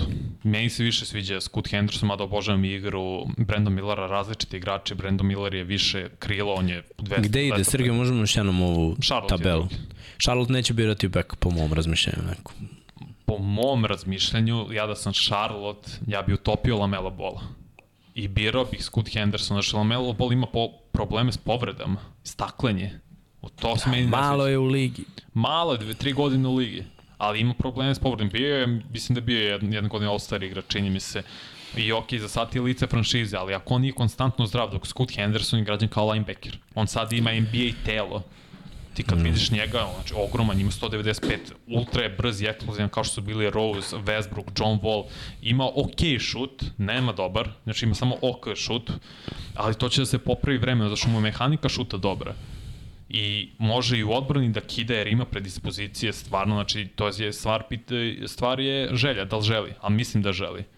Jer mislim da će imati uh, tu inspiraciju u smislu da će on, da on misli da treba bude prvi pik na draftu, to će sigurno biti Vembanjama i to će ga gurati. Ja bih birao pre Scoot Henderson da sam Charlotte i tradeovao bih uh, Lamela Bola za nešto drugo. Mislim, sigurno ima timova koji ga žele. Da li misliš da neko od ovih dobrih igrača, ova tri koje smo nabrojali, može da stigne do Detroita, možda do mesta broj 5 ili... Ne, ne, ali ima, dru, ima ovaj draft je dubok. Imaš ovaj braću Thompson, Amen Thompson je pre svega odličan, mislim da on može bude četvrti ili peti pik, izuzetno je talent. Imaš ti igrače, pored toga, mislim, ući ćemo duboko u sami mock draft i sve to možda i već u sledećoj ili sledećoj nedelji u epizodama, čisto da približimo ljudima ko su ti mladi prospekti, ali ima ih. Ovogodišnji draft je stvarno dubok. Ima šestoricu, sedmoricu igrača koji naravno nisu na nivou Scoot Hendersona niti Vembanjame, ali su nivo ili dva ispod toga. Im umeju uz dobar coaching budu veoma, veoma dobri. Brandon Miller mislim da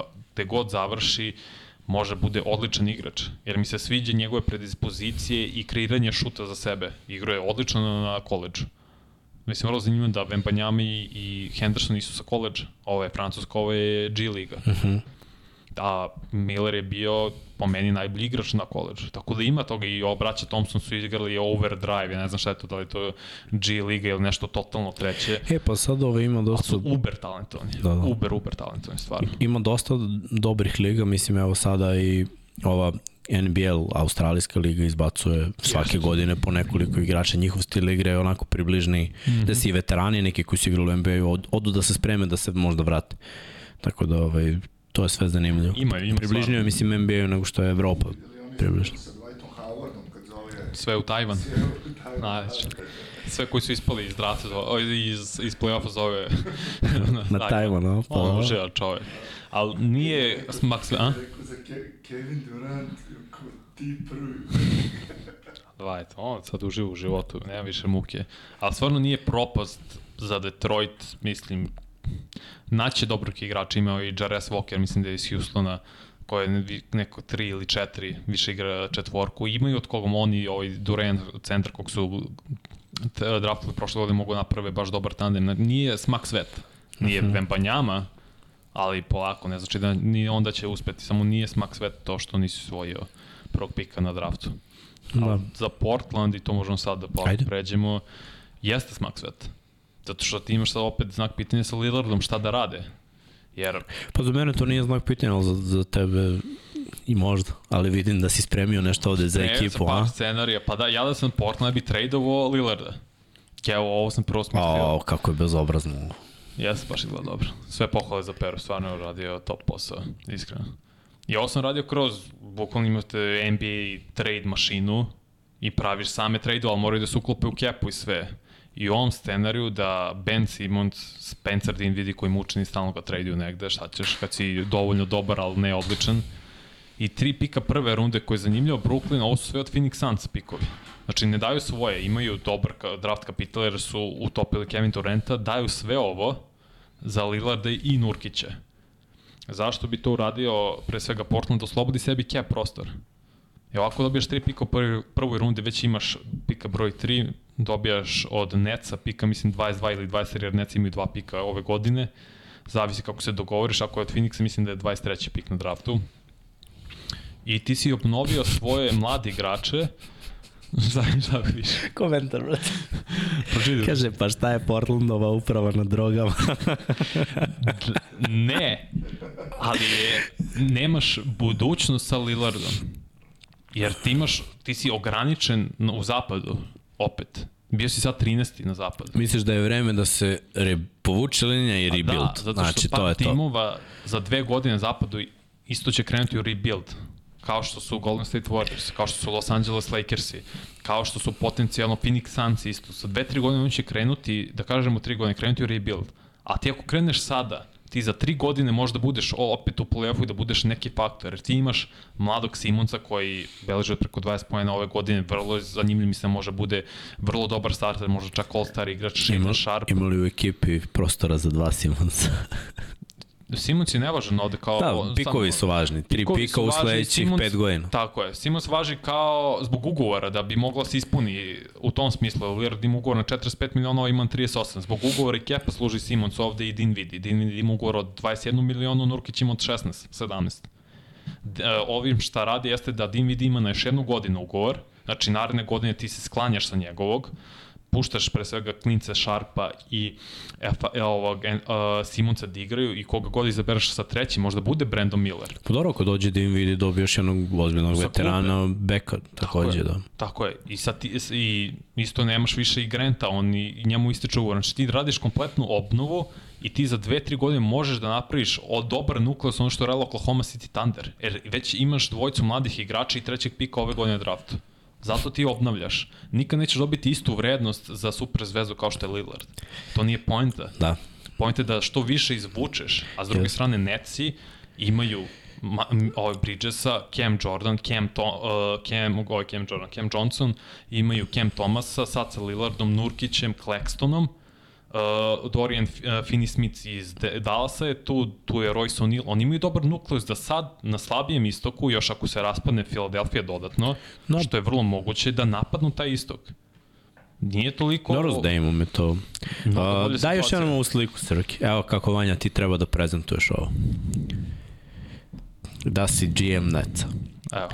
Za Dejma Jusufa dajemo vam Spencera Dinvidija prvog pika 2023. prvog pika 2025. i prvog pika 2028. I ako pozovete odmah, potpuno besplatno dobijate Bena Simonsa. E, Ben Simons, ben Simons je žrtva zbog svog ugovora. I ovaj pik Phoenixa 2028. može potrebno se bude vrlo visok, jer Durant ističe ugovor 2026. Ide u penziju, vrlo verovatno ostaje ti samo Booker, pitanje je u kojem stanju će biti Phoenix do tada. Što znači taj pik može bude top 10 pik, jer opet ti gradiš budućnost, sadašnjost ne toliko, budi loš par godina, ok budi zanimljiv, makar zabavan ćeš biti što Sharp leti po terenu i Simons igra super, to su mlade nade i sve to uz trećeg pika, kogod da bude, ti imaš neki potencijal i priču i, i bolje nego s Lillardom da opet budeš 11. 12. 13. na zapadu. Reci. To je mogućnost da se pretvore u novu filmu. Kao proces ono. Kao proces. Ne, ne, ne isplati se da gubiš, jer ti ovako, Fila što je uradila jeste prodala sve svoje najbolje igrače i krenula namerno da gubi tri godine da bi nakup, da bi dobili top pikove, a oni već imaju dobar nukleus mladih igrača, ima Portland sa ovom dvojicom i sa ovim trećim ove godine. No, jedni i drugi imaju neki do, par dobrih igrača, ali Tako. su daleko od nekog zapaženijeg uspeha. Znaš šta, treba iskoristiti ako želiš, mada mislim da za Lillard scenariju da ide u nece. Znaš zašto ga ne stavljam na zapad, jer je pretežak zapad. Ma nebitno, ali šta da radimo necima? To je isto mm. kao i, znaš, ono, ne, osuđen si na ispadanje u prvoj rundi play-off, ako Možda uđeš drugoj. u play-off. A ući. Možda drugoj. Pa nije to sudbena za Lillard. Ne prihvatam, ja volim Dame. Idemo mm. dalje. Daj ovo drugo. Smisli on još nešto. Ovo još drugo, pa onda ti ovo, tek, ovo ti se tek neće svijeti. Ovo više ide u prilog Portland Trail Blazersima. Šta sve dobijaju za isto dvo, dvo, dvojicu igrača? Dobijaju Bol Bola, Fulca, Jonathan Isaaca, Michael Carter Williamsa i tri pika isto prve runde. Samo što je ovaj pik ovogodišnji šesti, što znači bi Portland imao i trećeg i šestog, i na, ovo posla je od Denvera 2025 i 2027 isto od Orlando Magica, a Magic dobija Lillard i Nurkića. Sad, opet, nije ono što ti tražiš, jer probao sam sa Što si ovoliko igrača dao čoveče uz tri pika? Pa zato što Orlando ima draft kapital to da uradi, ali i dovoljan cap space. Moralo je još neki igrači da idu zbog, uh, mislim, Markel Fultz ima ugovor na 17 miliona kao i Jonathan Isaac. Zbog capa da bi se to sve prilagodilo. A Carter bilo, Williams? Carter Williams ima ti, uh, team option od 4 miliona. To je već okej. Okay. Znaš, iz... Mnogo si dao, ali gledaj, pre bih volao Dame u Orlandu, ne znam što. Pa, ali opet e, šta bi pa, Dame u Orlandu isto, e, pa ne sviđa mi se. Ali ne sad pogledaj sastav Orlanda ako možda nađeš. To bi bio Dame, to bi bio Jalen Suggs i imaš uh, Gary Harrisa koji može da ulazi s klupa ili da bude starter, a Suggs da bude šesti igrač. Imaš Bankera, imaš Mo, uh, Franz Wagnera koji je bio vrlo dobar. Dobar je da Wagner je. Wendell Carter na centru, Nurkić je njemu backup. Suggs, imaš, uh, kako se zove, playmaker, mladi, uh, sin od ovog uh, Anton, Cole Anthony, čuma Okereke isto, ili Okeke zapravo, nije kao, nema isto prezime kao linebacker Giantsa, i tu imaš nukleus već, i dovoljno dubine. I opet imaš pika 11. ove godine od Chicago Bullsa. Ti si napet, imaš bankera koje je će biti lice franšiza ako već nije sada, ali uz ima malo ubrzavaš taj proces, no. proces i ideš u play-off. Više mi se sviđa nego ono prvo, ali nisam nešto... Ali neti su bolji no. tim u onom prvom scenariju nego Orlando.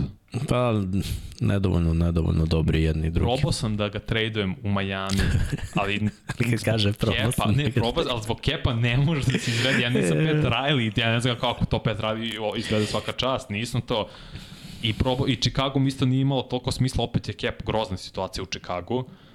Ovi ostali timovi na istoku, znaš, da li Fila odgovor? Pa više Portland ima resursa da traduje za Embida nego što Fila ima da traduje za Dejma. Možda Embiid ide tamo jer dok Rivers je dobio otkaz, to nismo spomenuli. To je se desilo To smo najavili, da, to smo to rekli najavili, da, je, da to rekli, ide da. sigurno. E sada, dok je bio baš blizak sa Embiidom, To inače teorija od Mimija, mog najboljeg druga, pozdrav njega. Embiid je ceo tim Maltene bacio pod autobus, zar nije? Sa onom izjavom. Kao ja i James ne možemo sami da pobeđujemo. Šta ako je Embiid bude u, faz, u fazonu, e ja hoću trade? O, otišao je trener, to je otpustili ste trenera koji mi se sviđa, s kojim sam bio blizak, bacio sam ceo tim pod uh, bus Maltene, James Harden ode iz file i kaže Embiid, pa hoću ja trade I to menja totalno konstrukciju i ravnotežu moći na istoku i zapadu. Jer neće ga tradovati na istok, u istu konferenciju. Nego neko sa zapada, a Portland ima dovoljno resursa, ima i ne, još neki timovi, da traduju za Embida. To je realnije nego da, po, da im ide u filu. Da. Ali ova dva ne scenarija su mi bila skroz ono, ok, pre svega jer sam ja GM Portland, u ovom slučaju ne, neko... ne imam agent, meni više odgovara trade ma Magic jer dobijem mnogo više i popunio sam tim i za dve, tri godine mogu opet da budem u play-offu i da budem faktor u play-offu. To je ključ. Ne da ja da. zadovoljim Dame Lillard, nego da zadovoljim moj tim, moju franšizu. Kapiram. To je to. Da li Lillard ima klauzulu ugovor? Nema. Nema. Nema no trade clause. E, naivno. Ali dobro. Nema. Ja bih volio da ga vidim. Gde? Pa broj 1 u Denveru, a broj 2 možda u Lakersima. Kako su ugovorima da uklopiš sve to? Pa otpustio bi celu bekovsku liniju. Ostavio bi samo Reeves. Da, Reevesu moraš da platiš. On je nemogor. Znam da nema. Koliko traje 20 nešto? 20 22 godine. se nešto priča. Pa, da. I Lebrona ugovor i dalje tu, Davisa ugovor i dalje tu, imaš prostora u kepu da, za to. To se reši. ne, ne, baš čudno je čudno. Ja, Dave. Mislim da, da u Netsima mo, bi mogao nešto se napravi, jer sviđa mi se Bridges, igra sve utakmice, dobar i Cam Johnson takođe, imaju dubinu, o, na klupi, Nurkić može da čuva teže centare, ako Kleksto ne može koje mršavi, Nurkić nije. Znači imaš dubinu, imaš dobar tim i to je prilika za Lillard da, u, da bude neki sličan fazon kao Dirk, Dallas, Jimmy Sada i, te, i ti fazoni. Da li vidite Lillarda i Dončića zajedno? Što ne u Dallas? Pa dobro, šta bi Dallas je morao da da nema resurse Dallas? A što Nurkić samo, samo da ima. Pa Nurkić uh, olakšavam opet, ja sam gledao sebe Da, kao da, da. GM Portland, olakšavam moj cap, cap situaciju, Da. jer Nurkić, Nurkić ima ugovor na još 3 godine, Lillard na još 4. Kapiram te, kapiram te. I zato oba ugovora idu. I to je to. Dobro, ništa, ajde ovaj, ostavit ćemo taj scenariju šta bi bilo kad bi bilo za moment kad će se desiti, a mi možemo da idemo dalje, ovo smo sve znači prošli i ostaje segment pitanja i odgovori, tako da ljudi pre nego što budemo pre nego što Ajde. budemo ovaj rokovali pitanje i odgovori, pre nego što krenete da pucate s pitanjima, šta je Srki? Treće pitanje. Gledaš Partizan, ali pa se nešto dešava. Kažu 40-40. Ne, pitaj, ne mogu Op. Može, hoćeš treće pitanje. Srki. Treće pitanje, pucimo Najteže pitanje. Za 5 sati. Tako je, 5000 dinara za gospođu. za gospođu strane Admiral Beta, free bet pitanje, najteže glasi koliko puta je u svojoj istoriji Charlotte imao drugog pika na draftu? Vrlo jasno i prosto. Postoji razlog zašto pitam baš koliko je Charlotte, koliko puta je imao. Zato što je to neverovatno kakvu nesreću imaju.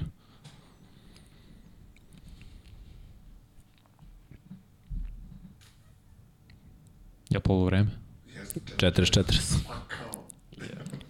Prvo su vodili 8. Lukardi kaže 13. Ja, kako ludovarate ljudi, pucate samo. Nikola Vidaković 5, Radosav Medojević 4, Aleksandar E, e. Radanović 3, Četiri. 4. Da, da. Radosav Medojević, tek počeo čovjek da nas gleda i dobi 5000. Eto. Pa brate, baš si srećan ovih dana, em si pronašao vrhunski podcast, em 500 mića, brate, za klađi. Eto. Uh, ako nemaš nalog na Admiral Betu, to prvo moraš da napraviš Tako i je. ako iskoristiš kod 1 na 1 i tu dobiješ još 1000, 2000. 2000. Da, da. A onda na to dobiješ i ovo. Znači javi se samo Vanji, uh, neka ljudi pišu ovde kako, a i Vanja može da kaže. Kako ti je profil? Na, Vanja 99 YRD kao Jard. Na Instagram, na Twitteru, Eto. Vanja Milićević, slobodno piše gde god. svi dodajte Vanju na Instagram. Lighthouse, tako da. Svi dodajte Vanju na Instagramu i spamujte ga da ne može da spava. Znači. A ja ne odgovaram, tako. pa kako će ljudi da dobiju? No? Pa vidjet ću ako je napisao ID A svoj. ja, dobro, dobro. Ali zašto je postavljeno pitanje? Imali su drugog pika 92. bio Lonzo Morning, prvi pik je bio Shaquille O'Neal. 2004. je bio prvi pik Dwight Howard, oni su imali drugog pita, pika bio je Mac Okafor. 2012. bio je Anthony Davis, prvi pik na draftu, oni su imali drugog pika, mislim da bio Michael Kidd Gilchrist. I sada Banjama i opet imaju drugog pika.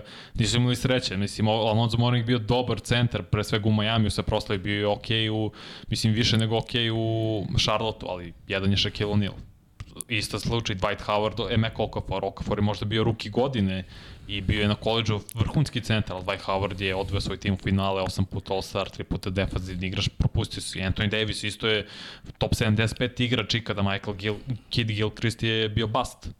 Nije uspeo, propali, propao pik. I vidjet ćemo i sad kao će biti situacija, ali baš ono nesreća za Charlotte, da niko da ima tog prvog pika na draftu. Inače, ljudi, da vam kažem ovo kada mi gledamo, imate gore iznad četa da li je chat uživo, da je live ili je kao top komentari i mi uvek pustimo ovde chat live i onda tako kako ide ko je prvi, ko je drugi. Uh, Znam da u zavisnosti od toga koliko nekome kasni net ili da li je to uključeno, da li live ili top chat, da bude drugačiji ovaj redosled, ali verujte mi, nemamo nikakav interes od ovoga da damo ovome ili onome. Ja bih volao da možemo da delimo mnogo više i da dajemo svima, ali ovaj, bit će vremena i prilike za sve, ovo će potrebati još neko vreme, tako da, da znate to, to, idemo. Inače, evo stižu mi informacije da je James Harden bio glavni razlog i faktor koji je naterao na kraju, mislim naterao, Daryl Morey GM-a da otpusti Doc Rivers, a znamo kako se drže zajedno Mori i James Harden još iz dana Houstona, tako da eto. Šta to znači, ne znam da li će na kraju Harden možda ostati, jer mu se nije svideo Doc kao trener, jer on ipak izašao iz svog ugora, nije pokupio player option, jer je želeo da ide u tim koji će se boriti za titulu i koji, u kom će imati potpuno košarkašku slobodu. Kaže jedan James Harden, koji, ja ne znam, koji imao slobodniji uh, koji je bio Ne može da slobodni igrač od- slobodniji od njega, bre. James Harden u poslednjih 10 godina. Čovjek je radio malte ne šta je hteo na terenu. Šta hoće Burazer da dribla 24 sekunde, znači. Moram... Ja ne znam, ali to, to su njegove želje. Kakav lik, bre. Znači, slobodan agent je James Harden i to želi. Pazi, Neverovatno. da uhvatim zlatnu ribicu i da mi kaže ispunit ću ti tri želje. Prva bi bila, može Janis da lupi šamar Hardenu, samo malo ga vrati u realnost. Ja, to, to je moja prva želja. Ne bi žalio sekunde. Ići ću autobusom. Biću i dalje. Ja, Bez blama, pa kao, rekao. Bez blama. Uh, ajde ovako, kaže, Vanja ne odgovara, KD se svađa sa random ljudima. E, Zna, vidiš kako karma ti se vrati. Ti je odgovorio Bogdan. Nije odgovorio. Nije. Pa jeste. To je zato što ti ne odgovaraš ljudima. Odgovorio je tati, što je najluđe stvar. Meni. Je te zvao? Neće te ni zvati. Znači kad cile. Pitanje za obojicu, kako ste batonge A? izuzimajući NBA na stranu, vrhunski podcast, očekujemo, hvala Stefane. Ovaj, ja ovako malo umorno, ali generalno, mislim, sinu sam se kao naspavao, tako da, da, da sam dobar. Može to, može to i gore. A i sutra, ono što je dobra stvar, sutra imamo 99 yardi, tako da pre toga nema ništa u studiju i onda je to malo, malo odmor. Tamo večeras da može da se pogleda Denver i onda lepo da se odspava sutra. Treba da se pravi grafike. su 90. To vi pravite. Evo, ovde već najavljujem da ne bude posle da nisam rekao ekipi, apsolutno neću da učestvujem ni u jednoj grafici. Pa čekaj, to će sve pasti na mene, jer Jimmy radi. Sve će da padne na valju. Znači, sutra spavam, ništa me ne zanima. Dolazim ovde na gotovo, kuvam kafu i sedam i spremam. Ja, jadan manja, E, ponekad. sutra su protesti, by the way. Evo, bravo. A dobro, ja sam sutra na odmoru, tako mogu dođem kad god. Dođi Srki, Dođi. evo i ključeve ću ti dam ako treba, dođi. Dođi, ranije. ranije. ja dolazim. Uh, Moren se izvinio za ponašanje. Pa šta da, dobro. kaže komentar, šta da komentarišemo Lazare i šta drugo da uradi. Nije on to uradio zašto je morao, nego, e, zato što je hteo, nego da. zašto je morao. Da, da, da, u da li, šesti. da li, Ali što Shannon Sharp kaže, ja bolje vidim nego što čujem. tako je. da. Kao, izvinite što sam imao. Da, Sve je u redu, Burazaru. Samo ti prangej. E, Da li svi tesni porazi Bostona idu na dušu Mazuli? A idu malo i igračima. igračima idu. Bilo je tu i nekih dobrih zamisli pa se nisu realizovali. Nije Mazula kriv što Jason Tatum pravi korake, dva napada za redom i gubi loptu i još jedan napad. Pa i ona tekma kad je čekao da krene na ulaz posljednje 4 sekunde i imali su 16. Mogu da krene ranije. Ako već znaš da će da skupe odbrani da mora izlazni pas, nemoj da čekaš 4 sekunde, nema vremena u 4 da ti kreneš pa da izlazni pas. To je na smartu baciš. bilo, ušao je previše sporo u sam napad, on je bukvalno još, on, nije Ali Tatum je drndao loptu 6 sekundi, brate. Ne možeš to da radiš. Mora da vidiš koliko je, mislim, stoji onaj sat i mi lajci kad igramo neku ligu u kojoj ima sat, pogledaš gore koliko ima vremena do kraja napada. Vidimo protiv Denvera i Lakers na početku nije radio sad. Nije prvo polovreme radio sad. Da, da, da, moraš spustiti Da, da. dole. Ali oni igraju, bio. u ovaj, Denver je uvatio svoj pace, znaš, da igraju brzo, oni završavaju brzo i opet to su veliki profesionalci. I, i to u stvari je najvažnije samo u tom finišu, oni znaju, imaju sat u glavi. Mislim, znaš šta, kao neko koji je igrao sve vreme u sport, u kome imaš 40 sekundi da organizuješ napad i da izađeš da se postaviš i da se izvede lopta mini na jednoj tekmi.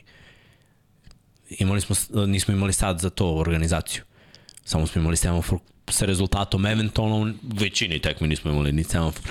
Ali, razumeš, ono, mm. ali sudija ti kaže, ali to je kasno ako si još u hadlu. Znači, ti u prilike mora da imaš na treninzima se navežbava, znaš, da sve to mora da se reši u, u 20-ak, 30 sekundi kod nas. Isto tako, oni znaju koliko jedan napad traje.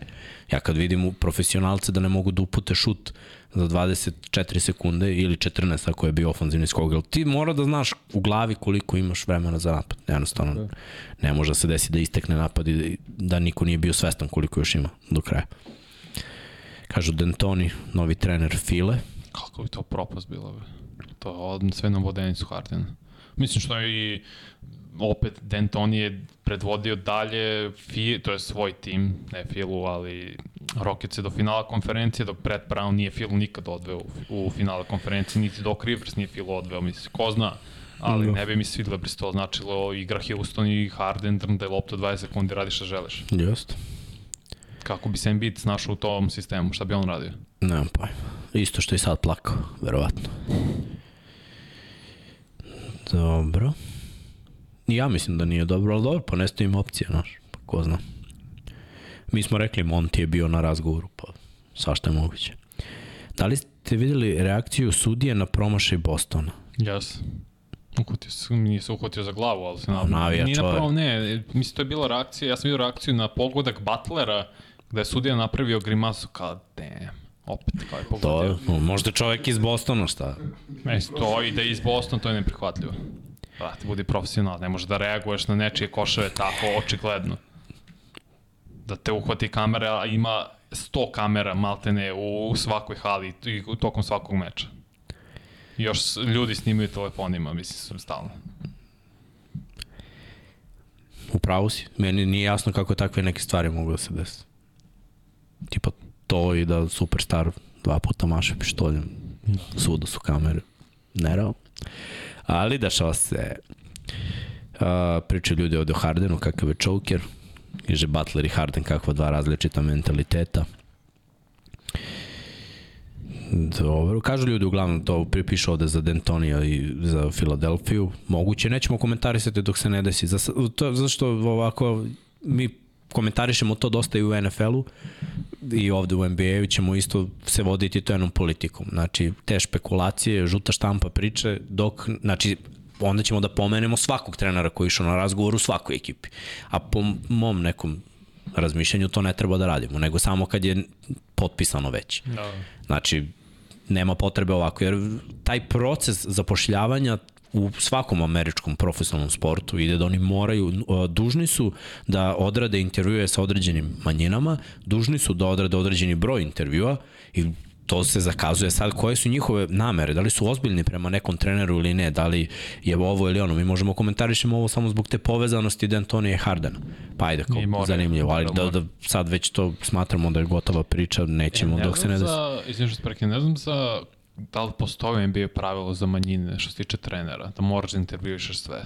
Pa kod njih ima dosta, siguran. njih ima dosta trenera koji su manjine, tako da Da, pretežno su afroamerikanci Tako je, treneri u NBA-u. Da. Mislim, više, mislim da 16-17, od 16-17 imamo glavni treneri su afroamerikanci, zato nemaju oni to kao striktno pravilo, mora da bude za NFL i druga priča. to ne znaš da li je striktno, ali svaki put je pozvan jedan, je tako? Znači, očigledno. Nisam siguran. Da, Mo- možda, možda je slučajnost, Mislim da je a slučajno zašto ima, ima ih mnogo u NBA-u, pa on, ok, poklopi se. Ali to jedino meni daju na pravo da tako bacam neke ih scenarije izmišljene je ono dva, u svaka dva, tri podcasta, a uglavnom to ne pričamo. Lju, ja se ljudima sviđa o- mock trade ideja? Da, da, da, su... zezaju te ovde, imaš broj, broj od Petar Ali. Gledate jedan tesin? Šta? Kad se Kenny nešto, Kenny Jet, Da. kad, kad se ove, kao, pričao je sa Laurim i kao, dok sam gledao kao, dopisivao sam se sa zvaničnicima u Miami i kreću svi da se smeju, šega isproziva kao imaš broj od Petar Riley, a ovaj kao nemam, ali onda kao dobro nisam se baš dopisivao. E, bukvalno je neko ovde izjavio Vanja ima broj od Petar Riley. Vola bi. Vola bi. Ne, nisam glasam preko NBA aplikacije utakmicu, pa nisam posle prebacio na TNT uopšte. Da li bi Jeremy Grant bio bolja opcija za Denver od MPJ-a? Pa ne bi. Porter junior i njihov pik mladi igrač mora još da sazreva, ali bolje šuter s polja. Mislim da je Bolja to... kreira sam. Da, mislim da je Mlađi to je dosta. važnije. A Grant je bolji defanzivac. Sad imaš tu, ali Gordon to kompenzuje nekako. Tako je. Dobro. Bilo bi im Kaže- slaba tačka na, u napadu u Grant. O, on Denveru. Da li je Tatum pobednik ili samo odličan igrač? Isto tako pitanje za Jalena Brown.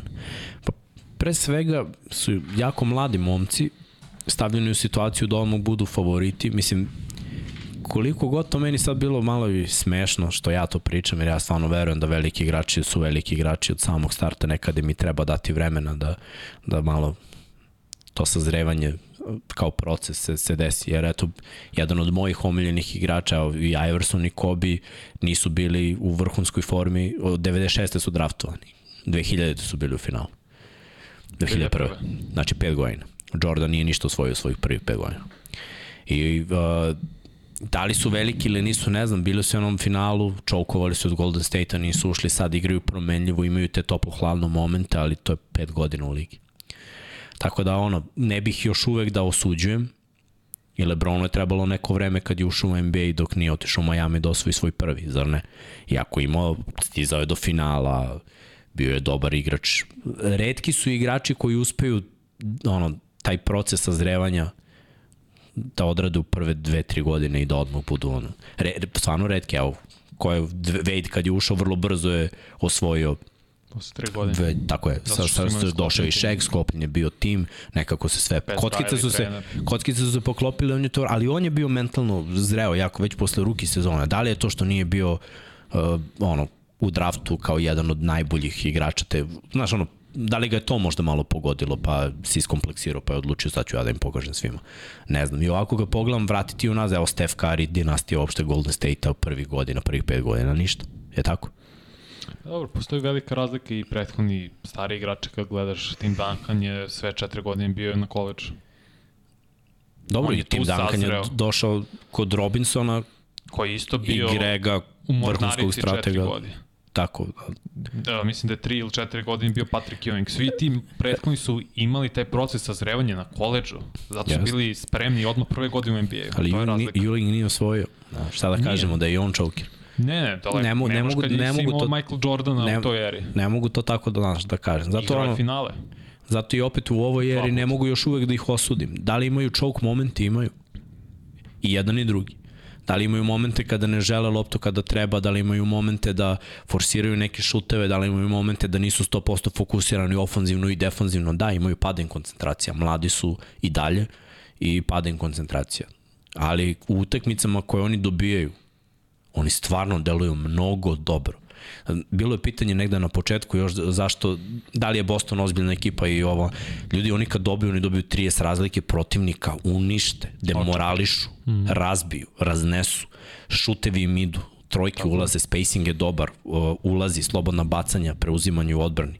Njima kad klikće sve, znači to, to je ono, kao BMW, ne čuje se radi. Jeste, ali ovo im je peto finale konferencije, zar ne, ili četvrto? Brownu i Tatum. Znam, ne, imaju iskustva, imaju iskustva, ali znaš šta, i pre je bilo toga.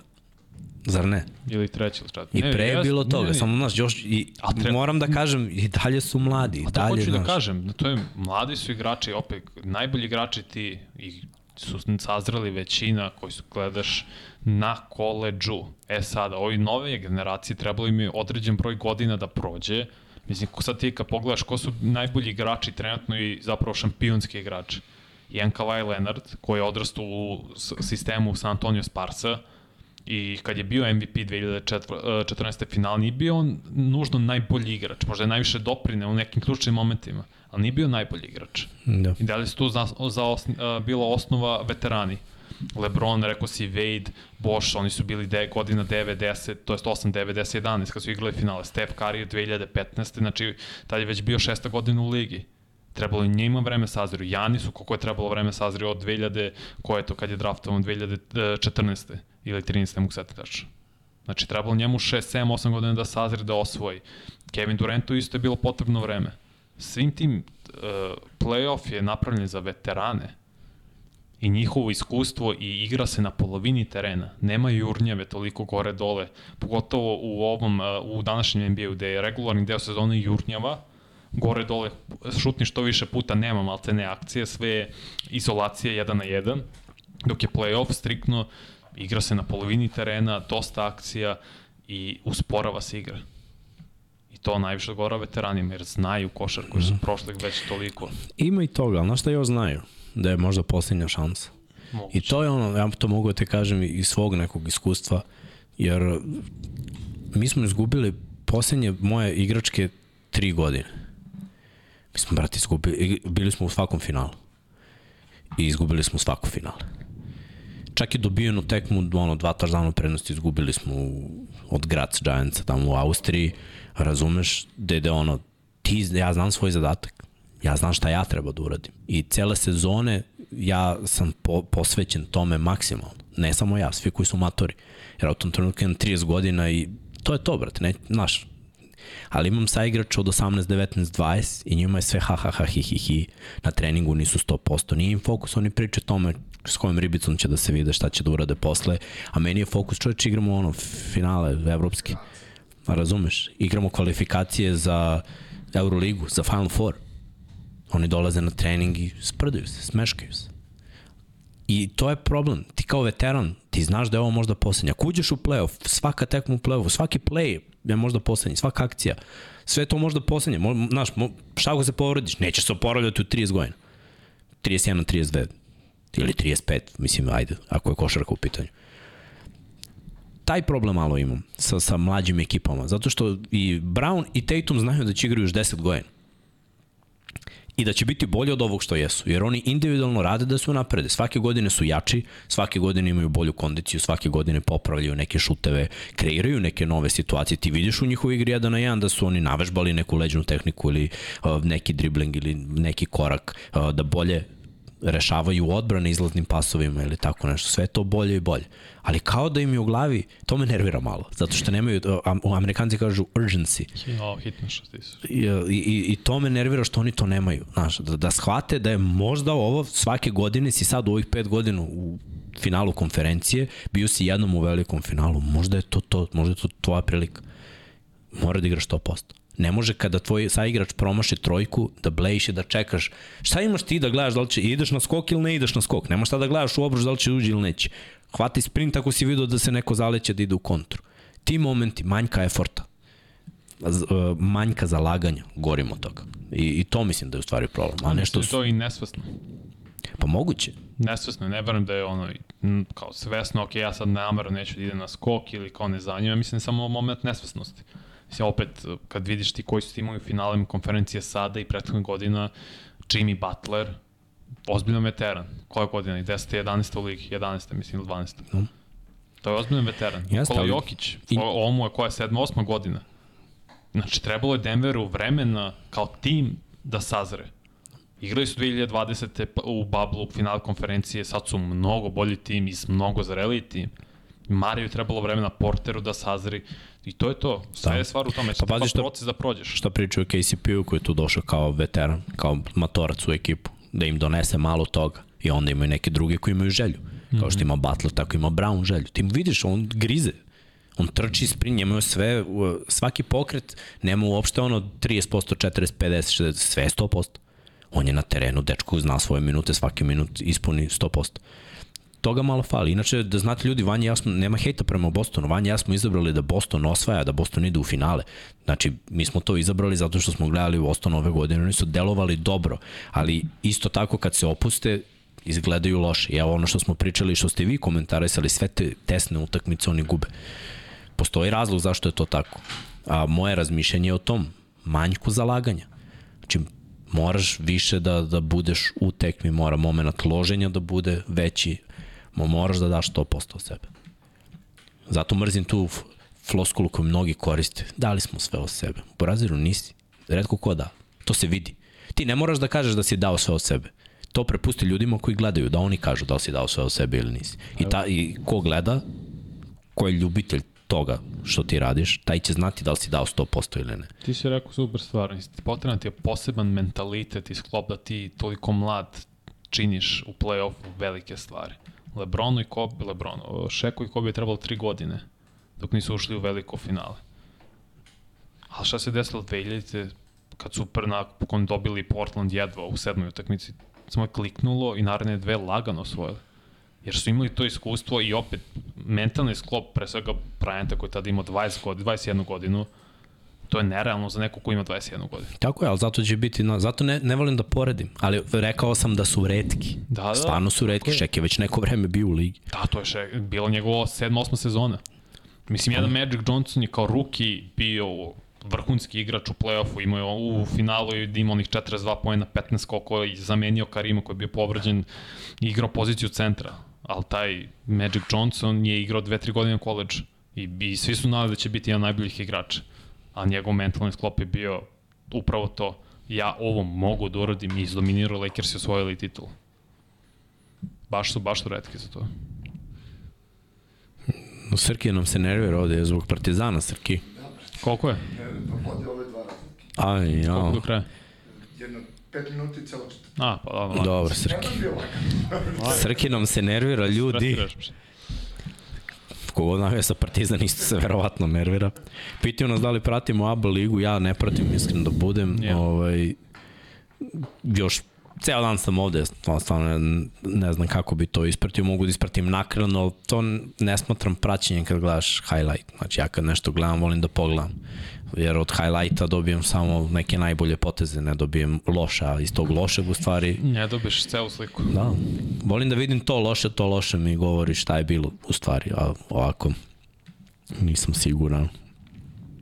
Ali dobro, vidim koliko Srki gori ovde, znači još malo pa će strušiti i sto i ode i stream i sve. Da završavamo manje dok, smo, Bolje, dok, dok bolje. možemo još. Ovaj, ajde još, da, još, još par pitanja pa da završim, sad su stali ljudi, znači pucali su toliko s pitanjima odjednom, pa ništa. Kaže, tri asistencija Partizana za 26 minuta, je istina? Ja, Srki, ja? Jeste.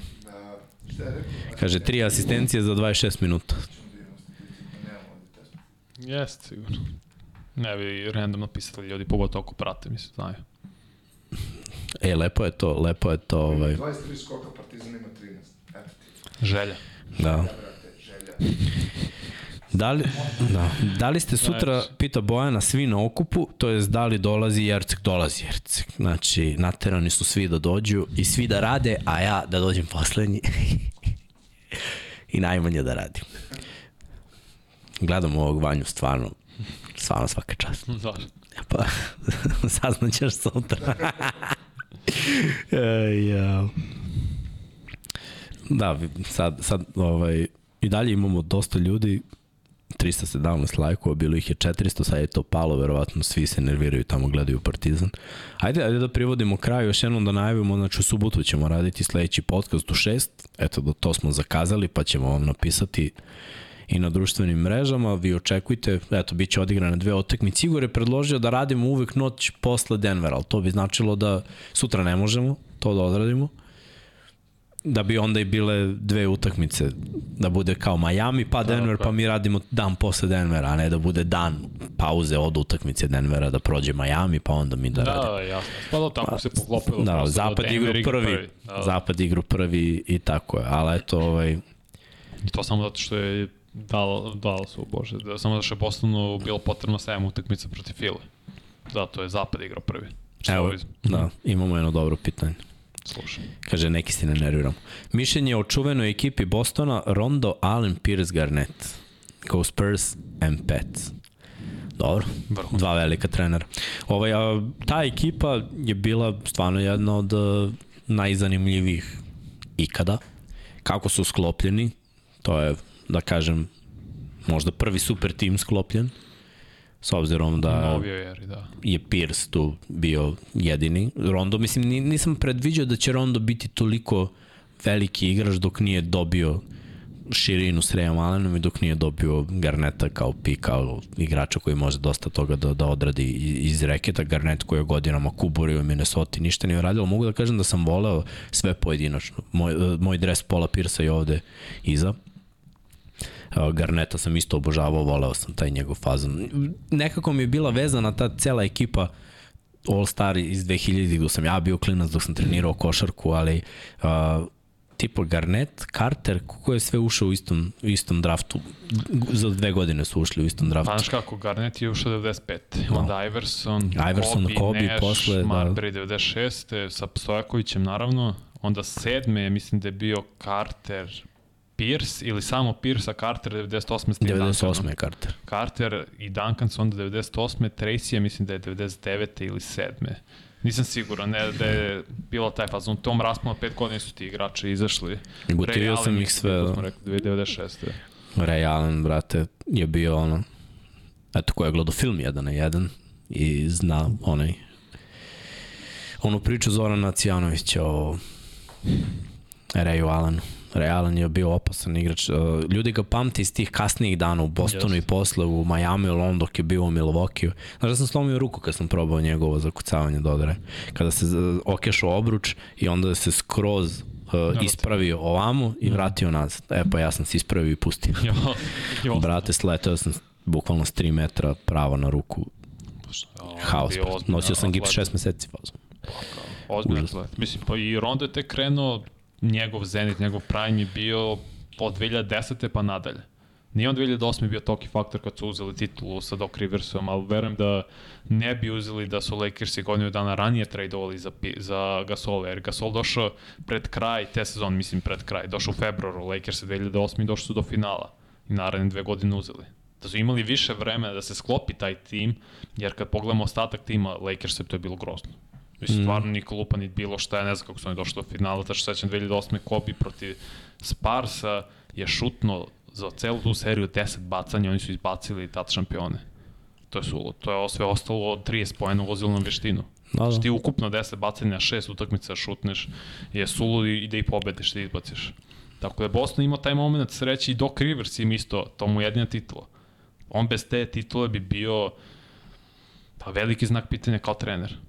Da izgubiš toliko utakmica, broj 7, toliko serije, ispustiš, mislim, to je stvarno neprihvatljivo. Da.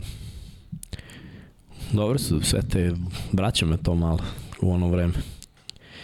Kaže, kaže Boško Desničić, Miksa će verovatno standardno da kasni sutra uveče, previđam nekih 15 minuta. Samo da znaš, Boško Miksa ne kasni već jedno dva meseca, otprilike dođe uvek prvi ovde. Zato što je dobio parking. Ali stvarno je pakao naći parking. Znači, kad, ga nem, kad nemaš mesto ovde, lutati po centru grada je ravno samo ubistvu. Kaže, Doc Rivers je bio trener. Mm -hmm.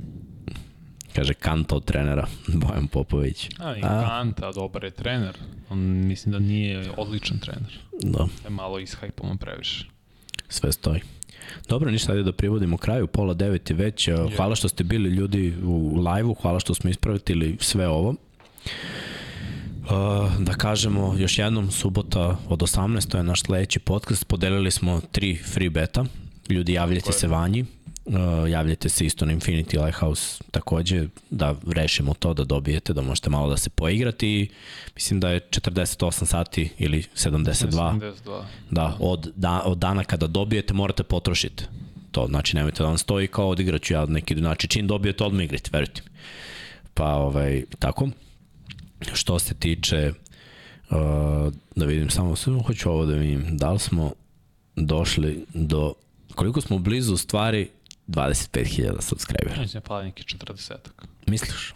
Ajde da vidimo da li si u pravu.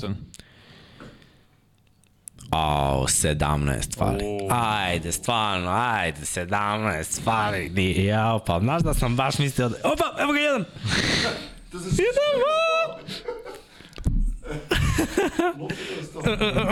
Lupi ga od sto, najbolja, najbolja priča ikada. U sred super vola, brat. Evo pa kao.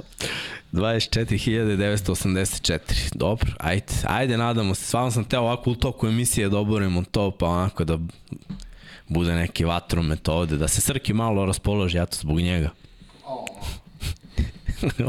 Partizan, parti... Opa, evo ga još jedan, znači 15. 15, Dobro, idemo, dobro. idemo. Ništa, ovaj, ako se ne desi završi, svakako, pa, da. Patreon video, eto tamo 25. To, taman da, ovaj, opa, pš, četiri od jedan.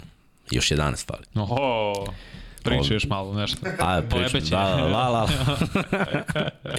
e, hvala ljudi, hvala, stvarno bi bilo cool, stvarno bi bilo cool, ovaj, jurimo, jurimo, jurimo to i želja nam je da ovaj kanal još više raste, da ubacimo neke stvari uh, još, neke stvari koje će nam pomoći da sve ovo bude malo bolje, malo isplativije i za nas i za vas naravno, a ovaj, imamo toliko toga u planu, toliko stvari koje želimo da odredimo. Ko prati Luku i Kuzmu, eto oni su u devet, tako da i to je još jedan razloga zašto moramo da ubrzamo ovo. Tako da će te moći da nastavite da pratite košarku i da uživate u njihovim komentarima, oni će verovatno tu malo o Partizanu i o tome šta se dešava. A, čekaj, da. vidim, koji vam je bolji za Denver, u, ko vam je bolji za Denver u finalu ako prođe? Eto da odgovorimo na to pitanje. Ja mislim Miami, zato što nema, Adebayo će biti problem i nema tog, Kevin Love će da pomaže sa, sa Adebayo, da? Pa, nemaju baš... Boston ima, dvo, Zeller, da, ima dvojicu koji su boj, Horford je iskusniji, a Williams je dovoljno atleta, atleta, da, da, da. i ostatak Bostona defanzivno bolje brani. E Sad, videli smo te padove u koncentraciji Bostona i sve to. Stvarno mislim da, da Boston kad igra svoju košarku da je jedan od najboljih timova, tako da Slažem ja bi se. više volao Miami da ide ovaj, i da Denver osvoji. To, je, to, su, to su želje sad koliko je to realno. To ćemo da vidimo. Da malo su se pojačali malo. Čekaj, čekaj, pre nego što ode. Op, op, op, op, op, op, op, op. Ništa, to je to. 24.989. Dobro. Svakako ćemo reći ovaj, da je zahvaljujući ovom podcastu to Došlo 25. bilo rešeno, a ovaj, ljudi, hvala vam još jednom, vidimo se u subotu, pa ćemo onda da pričamo o utakmicama koje su odigrane, še onda ponimo, Denver vodi 1-0 i Miami vodi 1-0, sledeća dva dana, dve tekme, veliki pozdrav iz Infinity Lighthouse studija, Srgi će pustiti Patreone, još jedan poziv, ako želite da podržite ovu ekipu, čekirajte naš shop, kupite neki Dux Maju, kapu kačket ili nas podržite na Patreonu, postanite naši članovi i to bi bilo to, Vanja, a? To je to. Vidimo se ljudi, pozdrav!